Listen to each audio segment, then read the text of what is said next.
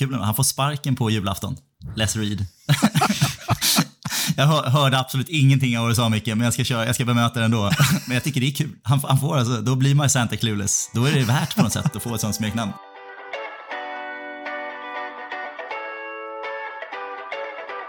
Can Manchester United score? They always score. Rooney! Oh, wonderful! It's Berbatov! It's brilliant! Marcus Rashford! Oh, glorious! That is a special one! It's Beckham!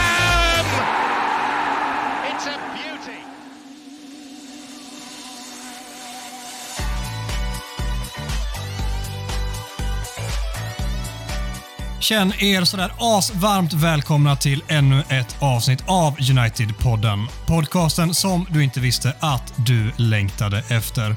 United-podden görs i ett stolt samarbete med både den officiella supporterklubben MUS och United-redaktionen på Svenska fans. Om vi var sänkta, frustrerade och möjligen lite revanschsugna senast vet jag inte ens vad jag ska kalla stämningen denna vecka. Tom, hopplös, vansinnig.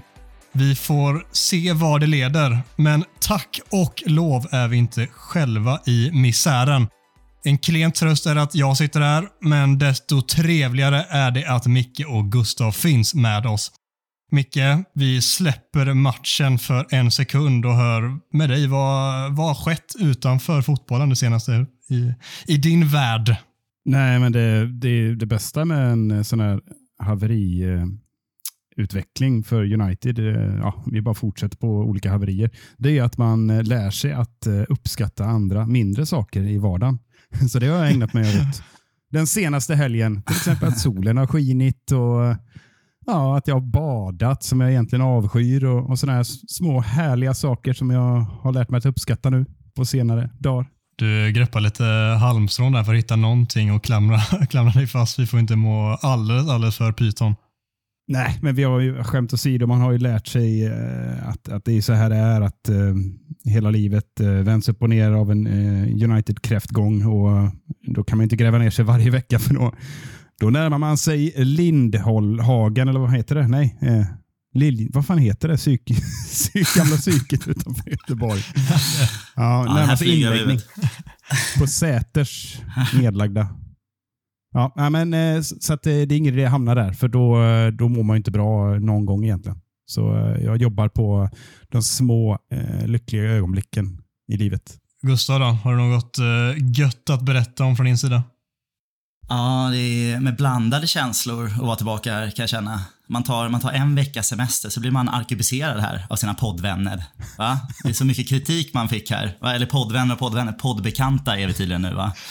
Det var, det var mikrofoner som låter som mikrovågsugnar och så var jag inte värdig nog att stå i en sån här bort, bortakurva och titta på fotboll tydligen. Jag är inte en man av folket har jag fått höra här. En veckas semester tar man. Vad är det här? Ja, jag står bakom varenda ord. Ah, nej, det, här, det här är trams tycker jag. Att jag inte skulle vara en man av folket. Jag är verkligen en man av folket. Det kanske är lite finare folket, men det är också folk och de ska också ha en representant. Och där, där ställer jag upp alltså. Ja, hur, hur, Ja, det där hur, eh, hur mycket stod det och vröla i klacken då, med handen på hjärtat? Jo, men det, ja, men det står jag. Man, man smugglar in en bengal i strumpan och, och står och kör alla, alla bortasånger där. Så, så det, är- det är sen gammalt. Det är sen gammalt. Det är så jävla lite du. Så jävla lite Vad har ni mer? Fin, fin, Finnvedsvallen. Finnvedsvallen alltså. Vad har Djurgården mer än... eh, Ja, du får bipa detta Adam. Har ni någon annan känt liksom? Ja, nej. Nej, vi hade faktiskt, det var, det var ett par, det var jag ska vara ärlig då, det var ett par år sedan jag var på en bortamatch med Djurgården. Så det var lite nya ramsor att få lära sig där. De hade, de hade censurerat en gammal, vi är på match med Lunkens grabbar, som är en gammal klassisk bortamatch. Har censurerats till en liten barnvänlig variation. Det är jag lite emot. Det kan ni, kan ni googla där hemma. Det är du emot. Barnvänlig ska det fan inte vara. Nej, så är det faktiskt. Men det var, det var trevligt, kul att få gå på lite svensk, svensk fotboll. Eh, men nu är jag tillbaka, nyss hemkommen till, till London här, så väskan står i hallen. Ett scotch-ägg och lite peas väntar på att bli uppvärmda här, så man kan käka lite lunch efter det här. Så vi kan väl riva av det här lite snabbt då, Ja, visst är det så. Du åkte i morse och så bara kastade du dig rätt över poddmicken och så in i sändningen. Ja, man ställer upp. Det är klart, så är det faktiskt. Första, första flyget till Stansted. Så nu, nu är vi hemma i London igen. Känns det skönt att vara tillbaka i Elfenbenstornet när du har varit nere och rört om i gyttjan så att säga? Ja, det är fint. Vara nere bland folket, bland kleti och pleti och nu få komma tillbaka där man ska vara, där man hör hemma. Så det, ja, här mår jag bra. Mår Ja, du bra. körde ingen så här dumt bombskämt på flygplatsen som eh, folk verkar göra nu för tiden. Ja, nej, det är så töntigt faktiskt. Så det, nej, det gjorde jag inte faktiskt. Den bara gled rakt in där i, i första klass i vanlig ordning och åkte hem. Så är det. Med folket, med folket.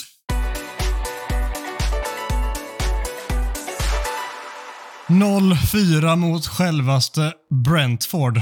Herre jävla gud. I vilken ände börjar vi ens, Gustav?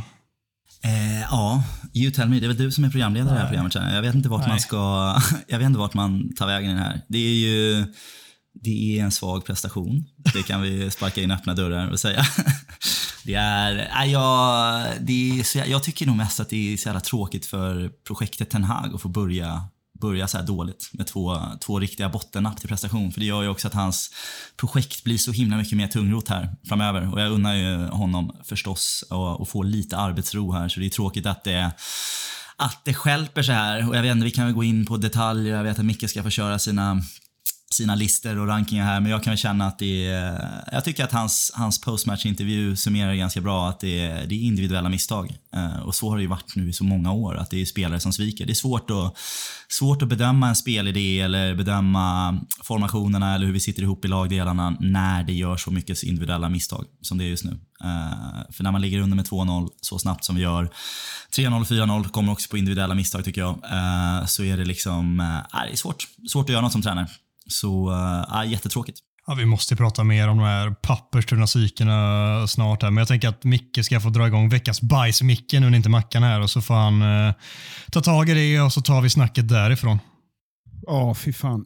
Jag vet inte riktigt. Eh, eftersom jag får rycka tag i den här i Mackans frånvaro så ökar ju pressen varje gång att man ska leverera den där eldrivna motorsågen fast eh, kanske en nivå upp. Och Jag vet inte riktigt vilken typ av motorsåg man skulle behöva använda här. För eh, det, är en, det är en djup, djup, djup suck man tar sig an det här och jag väljer då likt Mackan att eh, revidera hela upplägget här och kanske till och med en liten utveckling på Mackans eh, variant av eh, veckans macka förra veckan. Eh, jag kommer härmed eh, att utse eh, minst dålig, näst sämst och sämst. Alltså, det är svårt att inte jobba med andra attribut i den här listan. Jag vet inte, får jag okej på det innan jag kör igång? Shoot. Ja, det är två tummar upp alltså. Tack. Ja, eh, det ska sägas då att jag såg ju bara 35 minuter av den här matchen live. Sen valde jag att stänga av och eh, fokusera på Sista 35. de första 35. Koppla på då, nu vänder vi känner. Stänga av och eh, han kör som Sverige-Tyskland där, 0-4. Det var inte riktigt den känslan. Vi hade inte Nej. Kim Källström att byta in. Jag hade ju inte det. Eller Tobias Sana för den delen. Ja, så var det ja. Fina Sanna. Underbar. Missa öppet mål eller vad? för mig. Men skit i det nu. Skit i Sana. Han kan vi prata om en annan gång. men eh, ja, men jag såg ju om matchen och eh, har läst mig till eh, och så vidare. Så jag tycker ändå un underlag och ja, jag var tvungen att göra det i rent terapeutiskt syfte. Och minst dålig i min bok är ju fina Malaysia som ändå hoppar in eh, och är den som klart eh, visar klart mest vilja tycker jag är ett håglöst och profillöst och katastroflag. Han kommer in med en energi och tycker jag ändå visar att vänsterbacksplatsen bör vara hans, åtminstone från och med nästa match. Eh, vi får väl se hur det går, men eh, i, enligt mig så eh, finns det ingen som når upp till hans vilja åtminstone i den här matchen.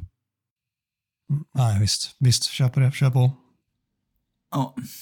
Inga protester. Nej, men Det det, går inte att prata om någon som var bra. Typ. Det är helt Nej, men jag vet inte. Det är, men var inte, ja, men om, om vi ska vara nyanserade, var inte Ronaldo gjorde väl en okej insats eller? Verkligen inte.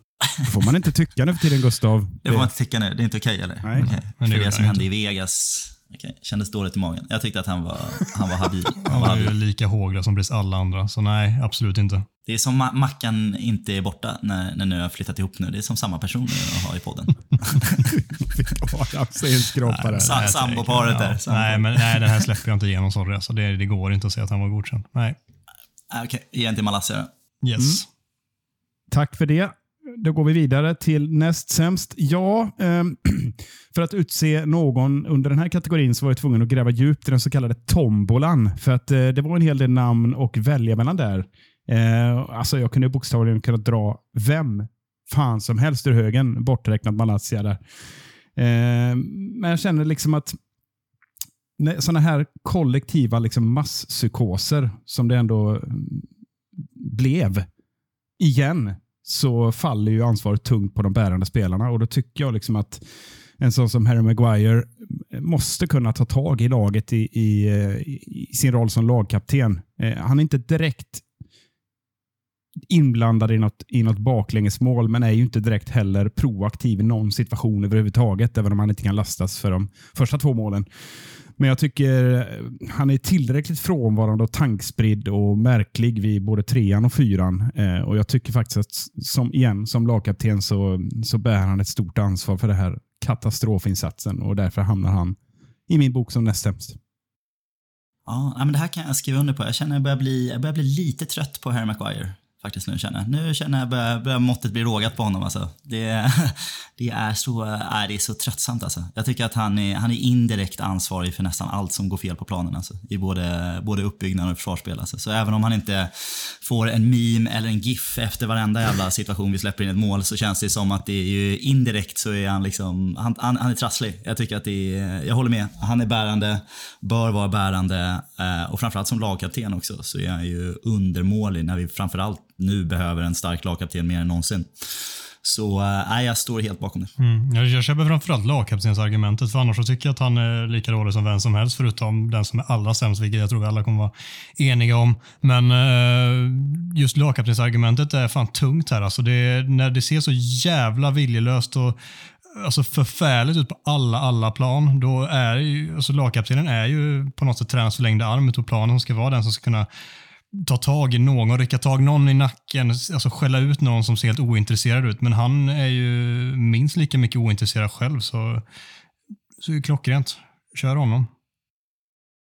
Bra, och du har redan eh, hintat om vart det barkar när vi ska utse sämst plan och här finns det ju liksom ingenting att diskutera. Eh, våra målvakt ger ju alltså bort rent eh, och skärt två presenter till, eh, till Brentford som sätter oss i skiten. Och Det är ju lika oförklarligt som obegripligt. Alltså, jag känner ju, vi måste gå tillbaka till Bartes-tiden för att finna en liksom lika usel insats eller en, eller en känsla av att eh, vår målvakt sätter oss i skiten. Eh, sprider en osäkerhet och, och, och liksom skapar en uppförsbacke som Ja, det är eh, mer eller mindre hans fel att vi förlorar naturligtvis, känner jag. Eh, och det även om han går ut efteråt och, eh, och proaktivt eh, ber om en intervju för att be om ursäkt så det spelar liksom ingen roll. För de, det, de här två misstagen han gör, det är ju liksom Bartes-nivå och då snackar vi ruggigt låg nivå. Det är nästan som man misstänker liksom ren matchfixning när man ser misstagen. Helt ofattbara misstag. Ja, jag satt och sa det. Jag drar en liten story om hur jag såg matchen. Så var jag i Uppsala och firade en, en kär vän som fyllde 25 år. Jag tvingade med eh, henne och eh, hennes kompis, med min bästa vän också, och se matchen och en till ute på en pub, för jag jättegärna ville se matchen. Och de är ju de håller på andra lag i Premier League. Liksom det är, jag tror fan alla tre håller på Liverpool. Det men så här, jag sa så här, ja men jag måste se matchen och de sa okej, okay, men vi gör det. Vi sätter oss på en pub tvingar med dem dit, vi sätter oss och så är det det här som sker. Och så kommer mål på mål på mål. Och så här, alltså, de Gea till att börja med, han spelar ju för Brentford. Det finns ingen annan förklaring. Han har, han, han har ju skrivit på för Brentford. Jag kan inte se någon annan förklaring. Vad gör han, två målen? Och sen säger efter 35 minuter, alltså vi går i halvtid. De bara, är du säker? Vad tror ni? Så vi sket i det. Jag, jag såg inte andra halvlek. Och det är så här, på tio år tror jag att jag har lämnat en United-match innan slutsignal. Och det var Brighton borta förra säsongen, 4-0. Och det var Brentford borta den här säsongen nu, precis nu i helgen. Det blir 4-0 igen. Det är de två matcherna så på tio år där jag inte har sett klart hela matchen och vägrar se andra halvlek. Alltså jag kommer inte se dem, men det är båda de två gångerna. För det, alltså, jag, jag är sällan den som ryter till eller blir arg visuellt så, men jag, jag kokar inombords utan att det syntes på mig tror jag. Men jag, alltså, jag visste inte vad jag skulle ta vägen där då. Och det, jag känner att jag borde få ut det nu när vi pratar om de Gea, för det är han som fick mig att brinna till mest här också. Och eh, jag förstår inte när vi pratar om bärande spelare, alltså en spelare som snackar upp sig själv som på något sätt eh, att han eh, äntligen kommer en tränare som han ska få spela sin fotboll, han ska få visa hur bra han är med fötterna och han ska han har gjort så jävla mycket för klubben och det har han gjort till viss del, framförallt tidigare. Och så kommer han och bara sätter oss i skiten gång på gång på gång. Ja, här, ja, här, här är jag inte... Här, med, med suck. Är du, är du okej där Adam? eller? Nej, jag är fan Kan vansinnig vi, på honom. kan vi fortsätta eller ska vi ta paus? Alltså nästan. Ja, ta ett glas vatten där.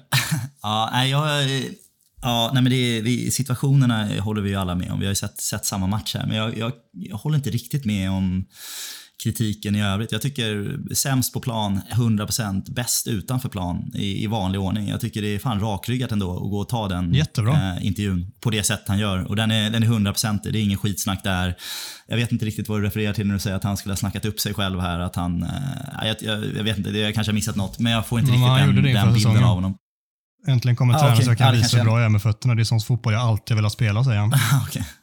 Ah, okej. Ah, det har jag missat i och för sig. Och det, det passar inte honom, det vet vi alla. Liksom. Eller det ja, vet vi efter den här helgen i alla fall. Då. Men eh, jag tycker att han är extremt rakryggad eh, och visar ledarskapsegenskaper som vi saknar i den här truppen i övrigt. Och jag undrar liksom, vad fan är Maguire liksom? Han ska, han ska stå där och ska han förklara att vi backar, backar vår målvakt och att vi faller som ett lag. Det är också ett lag här som inte gör jävla skit, utespelarna, på, på 90 minuter. Och jag, jag håller inte riktigt med att han förlorar den här matchen åt oss, för jag tycker att ett välfungerande utespel ska absolut klara ett målvaktsmisstag eh, en gång var... Alltså den typen av tabbe gör han ju en gång var 50 match, liksom. en gång var 100-match kanske. Så det tycker jag, sånt händer. Den kan jag leva med. Den andra är ju en konsekvens av att vi nu ska göra det här som vi har pratat om, debatterat tidigare. Att jag tycker att risk-reward på att hålla på med det här jävla små duttandet i eget straffområde med målvakten som sista utpost är så jävla dålig. Liksom. Jag skulle vilja ha statistiken på vad man, vad man tjänar på det versus vad man förlorar. Liksom. Så jag tycker att det är så här, så här kommer det se ut. Det är en konsekvens av hur, hur Ten Hag vill spela. Men Det är väl bara att titta på de bästa lagen. De tjänar väl jättemycket på att spela så. Alltså, Ja, Jag vet inte. Vi har också, det har ju varit skämt om både Alisson och, och City och de har ju också försökt spela upp och gjort tabbar. Liksom. Ja, Eh, som, men som ser ju ser hur bra de blir av det Neuer också. liksom. Jag tror inte det Ja, det är så fel. kanske. Jag vet inte om man börjar, jag vet inte om man börjar där liksom. Med, det känns som vi har tio andra grejer att lösa innan vi ska lägga på den liksom, overlayen på vårt, på vårt spel. Det känns liksom onödigt eh, högt risktagande när vi har massa andra grejer vi behöver lösa i vårt grundspel, tycker jag. Men det är... Så jag... Ja, han, han står, två, två mål är ju hans, liksom. Så är det. Eller ett mål är ju garanterat hans, det andra är ett sätt att spela fotboll på där han gör en felbedömning och sen så... Så han får ju ta det. Men jag tycker inte att hela laget ska stå och falla på det liksom. Eh, Och det visar, det prat, du nämnde det, det visar hur skör den här truppen är. Ja, Eh, och det, det är för svagt. Det är inte bara hans ansvar. Men jag tycker om någonting så står han i alla fall rakryggad upp och tar ansvar för sina misstag på ett sätt som jag känner att ingen har gjort. Inte ens Bruno Fernandes när han försöker göra någon tweet för att han har missat någon straff liksom påklistrat. Det här är i alla fall, det här känns genuint. Det här är en ordentlig ursäkt. Jag tar den liksom. Han är förlåten för mig. Vi vet att han har sina brister. Vi har pratat om det innan säsongen. Vi vet att det inte är någon långsiktig lösning om vi vill ändra vårt sätt att ha, ha uppspel. Eh, men eh, nej, för mig så är eh, de Gea liksom en, han är en United, inte, inte legend, men han är absolut någon som vi ska, ska värna om och skydda när han, när han har en dålig dag på jobbet. Tycker jag. Ja, men när han har en dålig dag på jobbet i två säsonger så tycker jag inte att det är liksom, då måste man till slut bli lack på honom. Eller jag, jag, jag kan inte försvara honom längre. Men, Och, det, men det stämmer ju inte. Han har inte haft en dålig dag på jobbet i två säsonger. Ja, men typ liksom- alltså.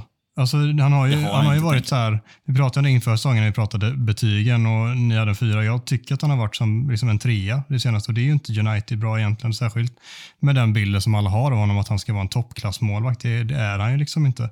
Jag tycker att han eh, har varit spridit en jätteosäkerhet i hela backlinjen under två säsonger och att han liksom till råga på allt också när vi kommer till ett nytt projekt så blir det, där vi ska spela den här fotbollen så funkar ju inte alls. Då, det som han är bra på är en skottstoppare, punkt. Liksom. Och det, det är ju långt ifrån det som, ska man säga, ett lag som ska spela så som United vill göra nu behöver den typen av målvakt.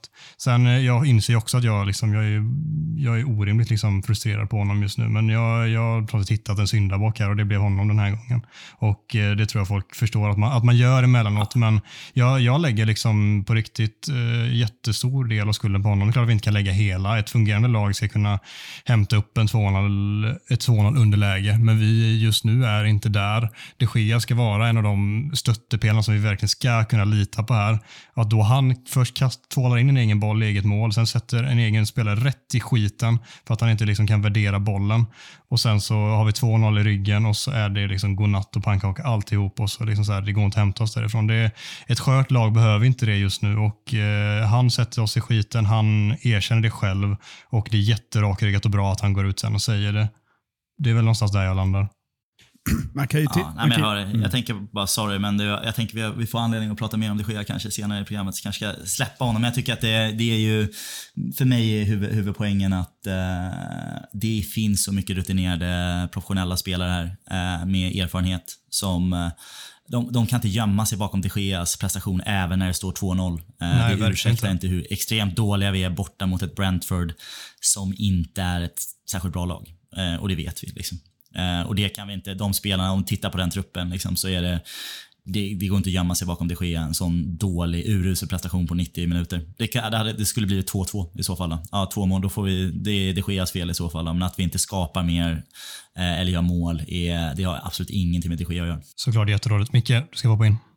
Nej, men jag, tänk, jag tänker att vi håller oss till matchen då och insatsen där och liksom rundar av snacket med att han faktiskt är såklart sämst på plan. Eh, med det sagt så kan man ju också titta på situationerna. Det är klart att det första målet, det är sånt som händer.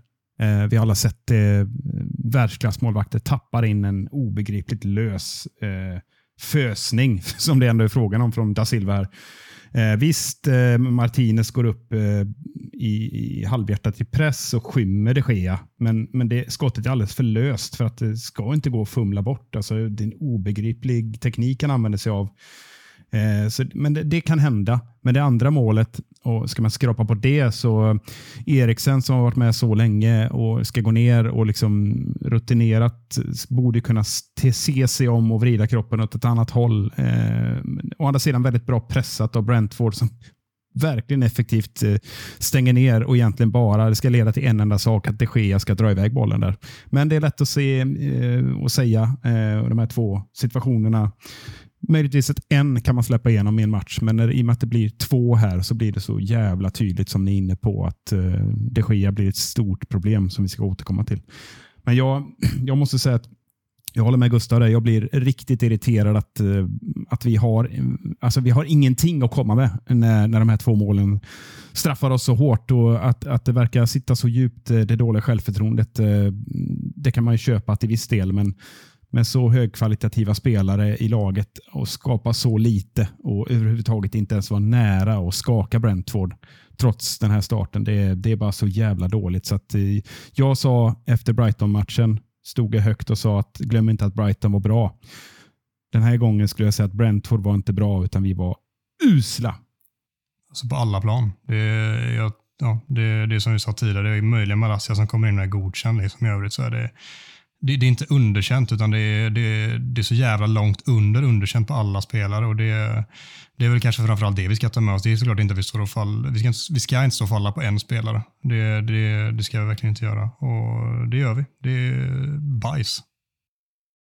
Nej, men det är det. Och det, jag vet inte, och nu har vi snackat om de första två målen där, men jag tycker ändå, det låter väl lite uppenbart kanske, men jag tycker ju det som avgör matchen här är ju misstagen på mål 3 och mål 4. Alltså 2-0 i halvtid känner jag att ett välfungerande, eller ett relativt välfungerande lag ska kunna hota det här Brentford med. Men det är ju, jag tycker jag vet inte vad det är för liksom, närkampsspel av Lisandro på, på tredje hörnan där. Det blir trassligt. Jag tycker det, ja, jag vet inte. Han, han gör ju inte ens duell på den liksom. och så på fjärde så är vi ju helt liksom ur position. Jag vet inte vem man ska skylla på, om det är Dalot eller om det är Martinez eller Maguire. Men det är liksom så jävla utdragna som vi blir i den situationen. Det är helt, helt pinsamt att se Två passningar. Om mål, man vad är det som händer?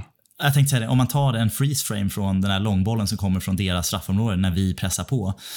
Det finns ju inte en suck i världen när man tänker att den här bollen ska ligga i vårt mål om sju sekunder. Det är helt, helt omöjligt. Det är inte ens ett jättebra liksom, kontrings, kontringsspel från Brentford, utan det är bara så katastrofalt dåligt. Och där ja, jätteuppenbart avgörs matchen för mig. Men jag känner att de där två de Gea-misstagen, om vi spelade lite bra, hade vi kunnat hämta igen det här. Liksom. Och det har City gjort genom åren och Liverpool gjort genom åren. Eh, efter två misstag och legat under med 2-0 och sen vunnit med 5-2. Och vi vet att vi inte är där just nu.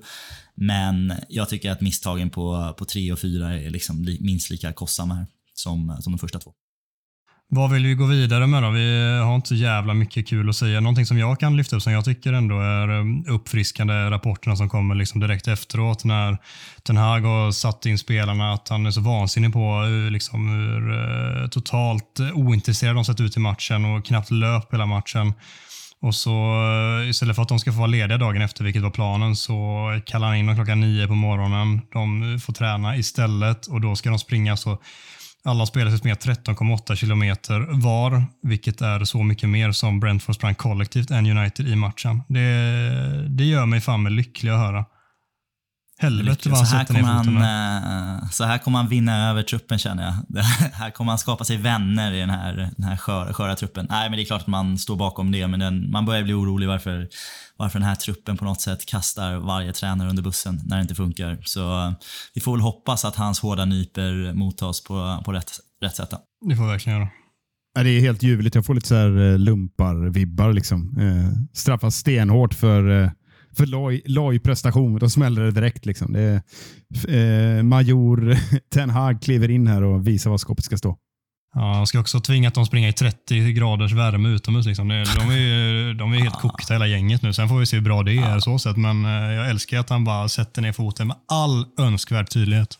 Ah, det ska de ha. Det ska de ha. Det finns ju en del som har gjort sig lustiga över det här den nya stenhårda Ten Hag. Som, eh, ja, det, det verkar vara väldigt kul att liksom, eh, helst eh, påpeka det 28, 29 000 gånger ungefär. Eh, Vilka tänker du då på, Micke? Vilka ah, jag vet inte, det här är lite känsligt. så.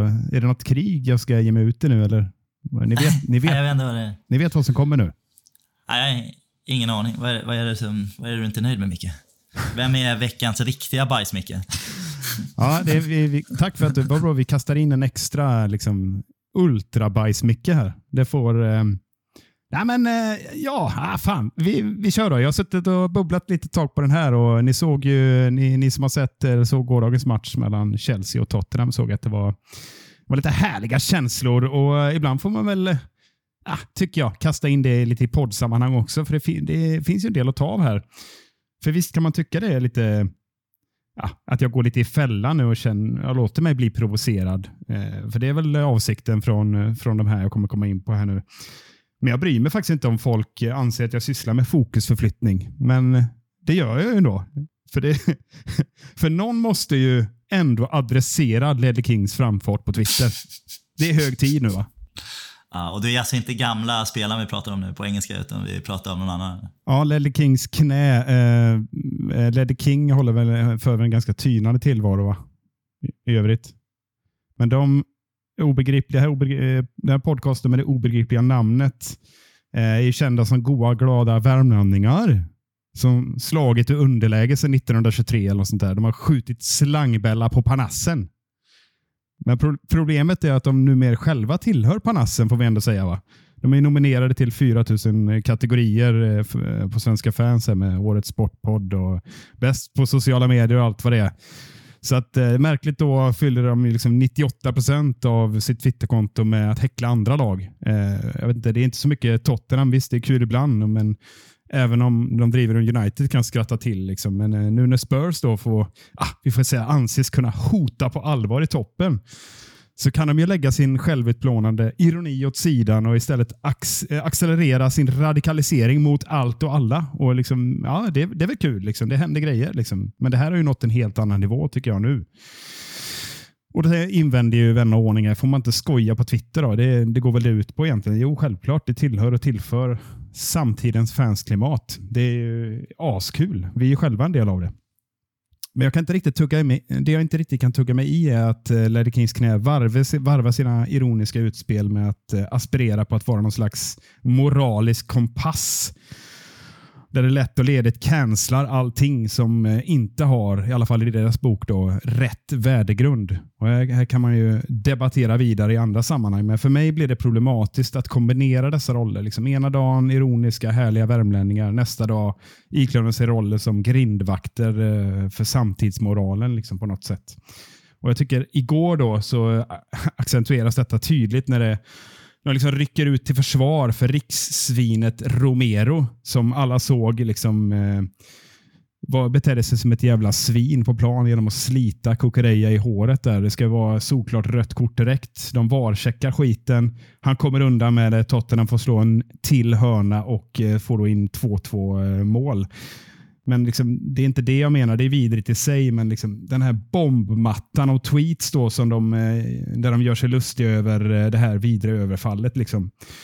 Det, det, visar ju att det här hyckleriet eh, når, ja, eller har inga gränser överhuvudtaget. Så Ledley Kings knä, ni får ni fan kamma er. ja, men det är, det är fan ord och inga visor alltså. Det. Adam är ledsen, Micke är upprörd. Det är ingen som är glad här idag eller? Har vi något att vara glada över då? ja, fan solen skiner, vi, eh, vi är mesta mästarna, vi hejar på världens finaste fotbollsklubb. Det är väl alltid, alltid fint. Ja, nu sa du något trevligt. Det var gött att höra. Ja, det är väl fint. Nej men Ledley Kings knä, alltså de får sig en känga. Jag, jag är inte riktigt lika passionerat eh, emot det. Jag tror att det här är jag, jag vet inte, jag, jag kommer lite från någon sån här att det är lite lillebror storebrors komplex. Liksom. Jag tycker att det är lite en komplimang när folk, folk driver om en. United får ju så jävla mycket publicitet nu och det skrivs ju också om att det är så extremt stort fokus på allt, allt som har med United att göra. För det säljer, för, för United det är intressant. Eh, Tottenham är inte lika intressant, Arsenal är inte lika intressant.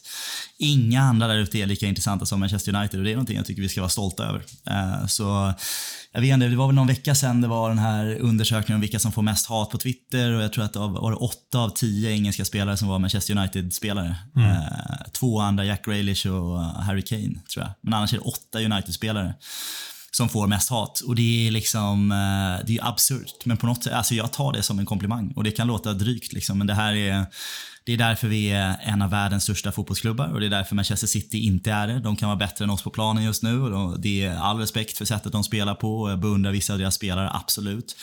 Men vi är världens största fotbollsklubb och det kommer vi alltid vara. Och det, så den här typen av Eh, höll på att kalla det journalistik, men det ska jag verkligen inte göra. Den här ty typen av liksom, sociala medier-beteende, twittrande, är, är bara ett tecken på vår storhet och andras lilla, liksom, litenhet. Så, uh, så det, här, det här blir jag inte sömnlös över. Det är jag inte. Men jag, jag förstår dina känslor. Ja, det är kul att vi har olika saker att uh, brinna till över. Det, det uppskattar jag. Jag kan bara flika in det. Alltså det är bara för att på något sätt uh, stämma in under det du säger Gustav, att United är ju överlägset de som berör mest. Överlägset. Och det är väl Alltså, jag, tror, jag vet inte om du har sett det Micke, men Ledley King släppte sin senaste podd nu under eh, morgonen och då har de tre punkter de pratar om i podden. Det är slagsmål, hårryckningar, känslor och sen står det punkt, punkt, punkt och så en hel del United. Vi säger väl det mesta, United är inte deras största rival på något sätt, men de ska klämma in United där för då, då kommer folk lyssna och tycka det här är intressant och spännande och det säger väl ändå en hel del om vårt kära United som är så fruktansvärt usla men ändå berör dem konstant. Mm, det gäller att uh, upp med fingret och kolla vart opinionen blåser och där är de duktiga. Lelly Kings knä, jättekul. Nej, fokus på vår uh, riktiga rival senare i avsnittet, tänker jag.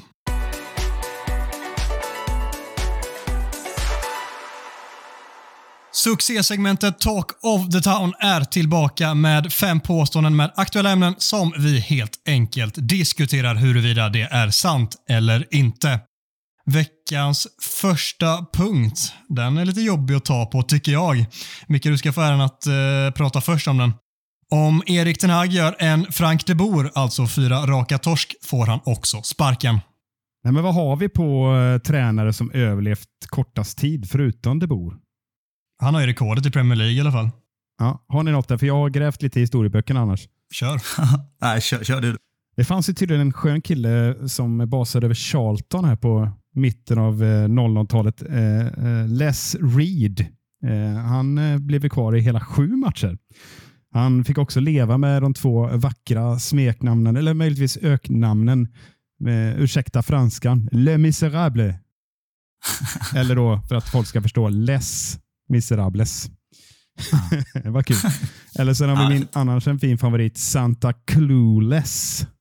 Den är också fin. Så jag vet fan, det känns ju som skämt Men åsido. var han där över jul då eller? Tänker jag, om det ska vara någon jävla tomtereferens där. Ja, jag, det har jag faktiskt inte kollat upp, men eh, Måste vara, kan inte liksom vara mellan augusti och september och så få Santa Clueless som, Kan man inte som, vara en tom? kan man inte vara en tomte även på... ja. Ja, det vore svagt alltså. Det där, jag, jag kollar upp den där samtidigt. Jag kollar upp den där samtidigt. Ja, men medan du gör det då så eh, för att komma till, eh, till jämförelsen här som haltar en aning kanske. Men, ja, men det känns som United har investerat ganska hårt i Erik Ten Hag. Och eh, att tålamodet är, är liksom väl tilltaget får väl ändå anses. Men hade man liksom verkligen räknat med att stå på noll poäng och 1-6 inför Liverpool-matchen?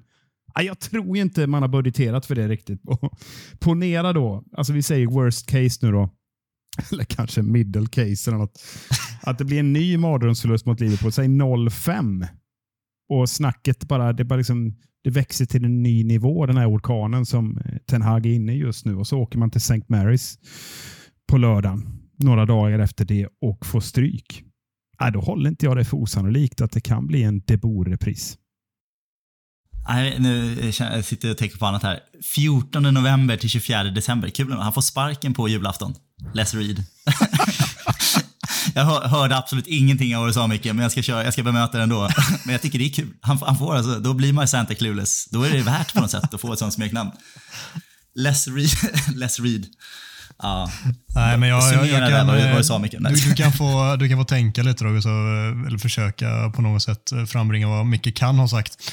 Men eh, jag, jag tror att det är uteslutet. Eh, Så, alltså så här, såklart, skulle vi torska fan 5-0 Liverpool och 4-0 Southampton också, gud förbjude. Liksom. Men det är klart att det finns, finns alltid någon, liksom, någon form av, vad ska man säga, där det bara inte går längre. Det är omöjligt. Liksom. Men det, de har investerat så jävla mycket i den här och det skulle vara att erkänna, alltså, erkänna sig själva som nollor, vilket de borde göra men aldrig gör, att sparka honom. Så nej, det, jag tror inte ens att fyra förluster skulle göra det. Jag tror snarare att vi kan se att eh, det blir väl en torsk mot Liverpool tyvärr också. Så blir det lite som, Arsenal hade väl tre raka torsk i början på förra säsongen och sen så kommer första segern där borta mot Southampton och vi börjar så här, lite smått trumma igång. Det blir lite halvstormigt under hösten och sen så började ändå sitta mer och mer under eh, vintern, våren och så är vi ändå med där uppe och tampas om Europaplatser i slutändan. Jag, jag tror det och vill tro det. Men eh, sannolikheten att vi står på tre torsk eller tre matcher känns ju tyvärr väldigt, väldigt övervägande, över, vad säger man? överhängande. Överhängande. Ja. Nej men risk. Nej, men jag, hör, nej, men jag, jag, jag skojar bara. Jag hörde vad du sa Micke. Jag, alltså jag, jag förstår ju det i sak. Jag tror att, som, som Adam är inne på, så trycker man inte på den knappen efter, efter fyra förluster. Eh, utan jag blir väl mer så här klura på när hade man släppt honom? Om, eh, liksom vart, vart går gränsen? Jag, jag tror att man skulle, alltså går det riktigt, riktigt knackigt här hela vägen fram till årsslut så tror jag att man skulle kunna byta. Jag tror inte att man är så pass investerad som man är. Om, det, om United ligger på 16 plats här med riktigt svaga resultat och en Nej, trupp som viker ner sig på det sättet så är han liksom, eh, även om man fortfarande har 11 poäng upp till fjärdeplatsen, liksom, men om man ser att spelet inte, att det inte får den effekten man vill, eh, så kan jag se att man kanske går för Pochettino eller någonting här som man kanske, som jag kanske ville att man skulle göra redan från början. Om han fortfarande leder här framåt, framåt årsslutet. Så uh, jag tror inte att han har så himla mycket tid på sig. Men han har mer än fyra, fyra förluster i sig. Ja, det- är inte på, nu är inte påståendet vinklat så, men sen väntar Leicester borta, Arsenal hemma. Alltså det är inte omöjligt att det är sex raka torsk. Men så där kan vi inte sitta och Så- prata så riktigt. kommer det första kan jag, inte, jag, jag, jag kan inte ens acceptera att vi sitter och, och eh, erkänner en tredje förlust här innan den har spelats. Han har, han har en dryg vecka på sig här och, och skakar liv i den här truppen. Det finns, jag, jag vet, folk glömmer bort att det finns talang i den här truppen. Vi, vi är ett lag som har slagit både City och Liverpool med merparten av de här spelarna som har gjort jobbet, som har disciplinen, som har talangen när det klaffar. Men det är jävligt lätt att titta på ett, o, alltså ett icke-fungerande lag och känna att vi är sämst i världen och kommer åka ut. Och allt kommer vara skit och helvete liksom. Men så, eh, jag vet också att potentialen finns där. Så jag, jag skulle kunna se att man kanske jag får ett, om inte annat, ett fall framåt då, mot Liverpool. Uh, så jag är, inte, jag är inte riktigt lika domedagsorolig här som många är efter två, två svaga prestationer. Tjatet om Ronaldo är onödigt och är en stor anledning till den usla starten. Vad säger Gustav? Ja, det lät som ett dubbelpåstående där. Eh, onödigt, ja. Eh, är det den stora anledningen till eh, den usla starten? Eh, nej, det tror jag inte. Faktiskt. En stor Men- anledning, behöver inte vi- vara den största alltså, utan en stor anledning. Alltså en stor anledning till den usla starten? Nej, jag tror, inte, jag tror inte ens det. Det känns som att jag kan hitta på tio andra anledningar som är, som är minst lika problematiska. Eh, framförallt att han kanske inte har fått fått eh, ersätta många av de spelare som har slutat förra året här och att man inte fått bygga den truppen i tid eh, och få jobba in det sätt han vill spela på. Tänker jag är det överhängande största problemet. Varför prestationerna ser ut som de gör. Eh, jätte, jätteonödigt. Det har vi avhandlat känner jag. Eh, vi, vi vet att vi kritiserar Ronaldo 100% för hans beteende under sommaren. Framförallt när han ska vara lite av en bärande bärande ledare eh, och inspiratör till, till övriga truppen. Och det har han ju uppenbarligen inte klarat av att vara. Så jätte, jätteonödigt. Eh, men det är inte hans fel att vi har två, två dåliga matcher här. Jag, jag får nästan gå in och förklara, för det är jag som har eh, kommit på det här påståendet. Men alltså det jag menar egentligen, kanske lite begreppsförvirring här. Men det jag menar är att tjatet om eh, Ronaldo tycker jag är onödigt. Och det tjatet, bruset, har i sig påverkat och, ska, och liksom bidragit till den här dåliga starten. Inte liksom att Ronaldos beteende är onödigt på något sätt. Jag, jag Ja, tycker men det är så här, ja, jag, jag, förstår, eller jag, jag förstår premissen, men med- hur skulle det påverka? Jag menar att de är, spelar, truppen är omotiverad eller de känner de har svårt att fokusera på Erik Den Hags nya riktlinjer för att man tänker så mycket på om Ronaldo ska gå till Napoli eller inte. Eller vad är liksom... Ja, jag, jag, jag tror faktiskt det har, alltså rent ur ett, det är bara vad min take är, men rent ett grupppsykologiskt perspektiv. Den största stjärnan, en av världens största någonsin, är det ju det handlar om. Men med det enorma egot, och oavsett liksom hur han har betett sig. Då, eh, jag tycker inte det står i proportion till det enorma fokuset på det här. Det är ju som ett störande brus ständigt, eh, men så är det ju att vara tränare i Manchester United eller för den delen en, vilken annan storklubb som helst. Att Det ligger där och skaver. Ten Hag får ägna halva presskonferenser till att svara på frågor om Ronaldo. Eh, vilket liksom, det skaver ju och stör ju. Och det är inte så att eh, spelarna har ju förmodligen fått eh, Eh, restriktioner när det gäller sociala medier. Det är tydligt eftersom det har varit ganska lite ursäkter på sociala medier från United-spelare eh, i år. Så av olika skäl. Men liksom, jag tror att jag tycker inte Ronaldo-problemet borde vara ett sånt här stort problem. Tycker vi, som vi har redan konstaterat, har en jävla massa andra problem. Därför tycker jag det blir så onödigt mycket fokus eh, på Ronaldo och det tror jag faktiskt har bidragit till att eh, laget har inte fått riktigt den arbetsron och man är mer känsligt eh, för kritik och för ja, uppenbarligen då, eh, dåliga starter i matcher.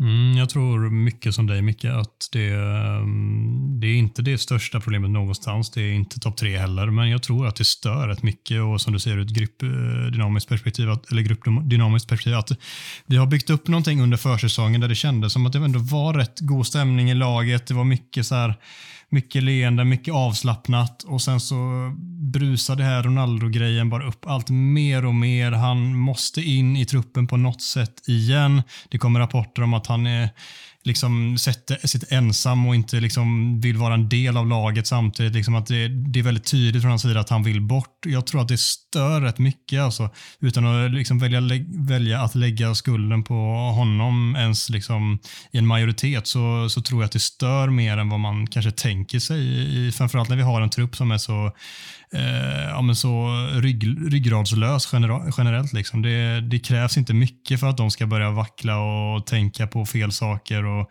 och att det liksom kommer in i skallen på dem. Och eh, Det kan man ju säga allt man vill om, men i slutändan så tror jag absolut inte detta har gett någon positiv effekt, utan raka motsatsen. Mm. David de Gea är Uniteds största problem just nu och eh, det känns ju som att vi har avhandlat den här eh, lite grann. Och nej, det är inte det största problemet. Det är likt Ronaldo. Det är inte topp 1, 2 eller 3, men det är ett av de större problemen just nu som när man lägger ihop så många större problem med varandra som Ronaldo är ett och de Gea är ett så går det som eh, rätt uppenbara delförklaringar till varför det ser ut som det gör just nu, enligt mig. Och Eh, jag tror att en, en annan målvakt hade gjort jätteskillnad för oss. Hade det gjort att eh, vi eh, inte torskar senast? Kanske, kanske inte. Hade det gett liksom att vår trupp hade haft bättre psyke? Nej, det hade det inte gjort. Men jag tror att det hade varit en detalj som hade tagit oss närmare dit vi vill och det är ett bättre lag. Och Därför vill jag inte säga att han är det största problemet, men han är ett stort problem. Ja, listan kan ju göras lång alltså på, när det gäller Uniteds problem just nu. Och, jag, menar, jag vet inte hur ni resonerar, men när jag satt för mig själv inför säsongen och när vi ja, snackade upp det också i podden så, och formulerade en problemlista i huvudet så låg väl inte David Gea på min topp fem ens så som jag kände. Jag såg inte riktigt de problemen du såg till exempel Adam. Och Mackan såg att eh, det var så oroväckande signaler på, på försäsongen. Men visst, alltså man har ju sett den här för, typen av förfall tidigare. Alltså när etablerade världsmålvakter hamnar i djupa svackor. Det händer ju. liksom. Det händer ju även Manuel Neuer. Eh, jag menar, Allison har också haft några matcher. Man undrar vad fan håller han på med liksom. Men, men problemet är ju som Gustav var inne på att eh, när, när, vi har så många andra problem så räddas vi inte av en briljant offensiv eller sådär. Man, man döljer, sminkar inte över de här misstagen. Utan Visst, eh, tendenserna syntes på försäsongen, men att, att eh, de Gea skulle liksom vara ansvarig för tre av sex mål som jag tycker ändå han får tillskrivas efter två matcher. Ett mot Brighton, den här returen, och så de här två mot Brentford det, det är klart att det, det, har ju fått mig att, att förändra och utvärdera de Gea på ett annat sätt. Eh, jag skulle mer säga att snarare att han är ett enskilt problem så tycker jag att han är ett symptom på Ten Hags svårigheter att implementera sitt spelsystem på en trupp som, som saknar självförtroende och som har haltande egenskaper för Ten Hag-fotboll. Det är tydligt och de Gea är snarare ett symptom än att han är ett enskilt stort problem tycker jag. Ja, jag, jag håller med. Vi har ju pratat om det lite, lite tidigare. Eh, jag köper inte riktigt in där Adam. Alltså, vi kan sätta peak Edwin van der Sar där bak eller Peter Schmeichel i sina bästa dagar. Alltså, så som vi är, alltså, det förändrar inte hur vi spelar fotboll fram, framför honom just nu. Alltså, vi, eh, vi, slä, vi släpper inte in de två målen kanske, men sättet vi spelar mot Brentford just nu så är det ju utespelarna. Något ansvar måste de ta. Det, det står inte och hänger på de Gea, Ty, tycker jag. Tycker jag ja, alltså. det säger jag absolut inte. De ska ta jättemycket ansvar utespelarna. Det är inte det det handlar om. Men det hjälper ju inte direkt att ha en målvakt som kastar in boll efter boll i egen kasse. Nej, så, nu, har, han haft liksom två, två svaga matcher, men det är ändå liksom, det är ju två, alltså framförallt så är det två extremt svaga matcher från våra utspelare. Men, men Schmeichel hade väl inte, han hade kastat iväg bollen eh, till, till eh, Rashford 75 meter bort. till ett friläge som han bommar, men ändå. Ja, uh, det vill man ha. Nej, jag, jag, jag pratar om det. Jag köper inte det. Jag säger att vi har... Uh, we have 99 problems, but David de Gea ain't one. Martinez-hysterin är överdriven. Victor Lindelöf är bättre. Nu bara, bara mangla på dubbelpåståendena här igen, alltså, kör vi. Så hysterin är överdriven och Lindelöf är bättre. Så jag tycker hysterin är nog, eh, är nog överdriven. Micke, bara alltså. skicka den på honom. Ja, det är Micke som kör en jävla dubbelmacka igen alltså. Mickes dubbelbajsmacka. Ja, vad har vi då? Så hysterin, ja, alltså jag vet inte riktigt. Har det varit så himla mycket hysteri? Det har det kanske. Det är vi som har blåst upp den själva tror jag i podden. nu, nu sågar vi vår egen hysteri här. Vi försöker hitta någonting positiv, positiva halmstrån som vi har dragit här för någon vecka sedan. Jag är väl kanske inte superhysterisk över, över Martinez redan, redan från början och jag har väl vädrat det här tidigare. att eh, Kriga om spelare som vi snor framför näsan på Arsenal för mig inte, känns inte superimponerande. Liksom. Jag, vill, jag vill sno spelare framför näsan på City och Liverpool om det ska vara intressant. Men att sno spelare från Arsenal, det är inte, det är inte de spelarna jag vill konkurrera om. Men han, eh, han kan nog bli bra ändå, tänker jag. Så det, det kan, nog bli, kan nog bli spännande. Är Lindelöf en bättre Backen Lisandro? Nej, det tycker inte jag heller. Då, då. Nu känner jag att han har fått över 200 matcher han spelat i United nu och jag tycker att eh, mer än hälften av dem är inte särskilt bra. Så jag, jag känner ingen av dem är någon jättebra back, men jag är väl lite mer nyfiken på att följa Martinez just nu än vad jag är att följa Lindelöf en till säsong. Ja, alltså Martinez kan vi inte döma än, men Lindelöf tycker ändå med 200 matcher i ryggen att det går att bedöma. Och det känns som att här, känns det, det, känns inte omöjligt att vi får den här klassiska Lindelöfs liksom, cykeln nu där han kastas in i det, gör ett par, tre bra matcher och sen så ser man bara successivt att han bara blir sämre och sämre och sämre och så, så fasar han ut i laget och sen så börjar de igen. Liksom. Det, det ligger så nära till hands just nu. Ja, Och det är det här, jag, så jag ska låta det komma in mycket, men det är det här, det här har jag tjatat om länge. Liksom, att det är, alltså, an, anfallsspel i fotboll tycker jag, det kan ju ibland vara lite av en individuell sport. Där det kan, liksom, det kan uppenbarligen göras mål på att man är individuellt skicklig. Försvarsspel för mig är inte en individuell sport, det, det är en lagsport. Det handlar framförallt om hela, inte bara backlinjen, lika mycket mittfält och lika, lika mycket anfall, hur man försvarar kollektivt. Och det spelar liksom ingen roll. Vi hade kunnat köpt Koulibaly som nu har sett ganska fräsch ut för, för Chelsea. Vi hade kunnat köpa Thiago Silva när han köptes här. Det hade inte spelat någon roll. Vi har köpt Varann, vi har köpt Maguire som uppenbarligen var dominant i landslaget och gjorde det bra i Leicester. Det är liksom inte, det är inte individuellt skickliga försvarsspelare vi saknar. Det är ett kollektivt försvars försvarstänk och en mentalitet som inte sitter och inte har suttit under en lång period. Så det spelar liksom ingen roll vem vi sätter in där just nu. Det är inte en individuellt skickligare mittback vi saknar. Ja, innan jag eh, bemöter eh, er- era argument så vill jag bara... Jag noterar ju att Gustav liksom fortsätter från sitt eller, elfenbenstorn här att navigera med storklubbshybris och eh, borstar av sig småklubbar som Tottenham och Arsenal. Jag gillar ändå det. Att att det är ganska hög svansföring trots noll poäng och 1-6. Ja, jag vet inte vad Arsenal och Tottenham har vunnit av, av värde här senaste 20 åren som ska få mig att känna att vi skulle vara sämre än dem på något sätt. Jävlar vad arg, äh, arga folk är som eh, händelsevis hör det här Gustav. Att du, du är lite dryg och jag gillar det ändå. Det, är- det är underbart. Ja, den rollen tar jag gärna. Men, eh, ja, men varför jag tog upp den här, eh, ursäkta igen då, ett dubbelpåstående, men det är för lite självkritik här, för jag är en, en av de som har vurmat allra mest för Martinez, så då får man faktiskt erkänna att man har kanske borde lugna sig lite grann på den fronten. Alltså, jag har till och med köpt en matchtröja med hans namn på. Det, Nej, har det på riktigt? det, är, det är ruggigt jävla hybris alltså. Otroligt. Vilken köpte du då? Köpte du den här nya vad heter det, vägarbetartröjan eller vilken tröja köpte du? Nej, för fan, vad tror du? Den tröjan vill, eh, var det någon som sa att eh, det vill vi aldrig mer se. Eh, Mark Goldbridge eller vad var det som skrev det? Ja, han är Han citerar vi inte också. den här podden, han, tack. Han ska vi inte ens börja med. Alltså. Ja, nej, Nej, don't get me started. Jag vilken tröja blev det? Den rö- röda eller? Nej. Ja, den röda såklart. Ja, fint ändå. Jävla snygg alltså. Va? Ja, skit i det. Men, ehm, ja, men jag får ju finna mig att stå i skamvrån då när Martinez liksom visar sin brist på Premier League-erfarenhet. Och det är ju inget märkligt. Jag köper att Lindelöf har haft gott om tid på sig att växa in i kostymen och, och kanske inte riktigt nått mer än en 3 plus-nivå totalt sett. Liksom. Och det trodde väl ingen, men, men, men det är klart att det är ingen vidare match han gör mot Brentford. Eh, trots brist på eh, erfarenhet och trots att det är ett kollektiv så eh, det, det, han var ju svag, får vi ändå säga. Men på sikt så är han ju klart före Viktor. Men eh, jag, en annan fråga som jag tror vi kanske får prata om i en annan podd.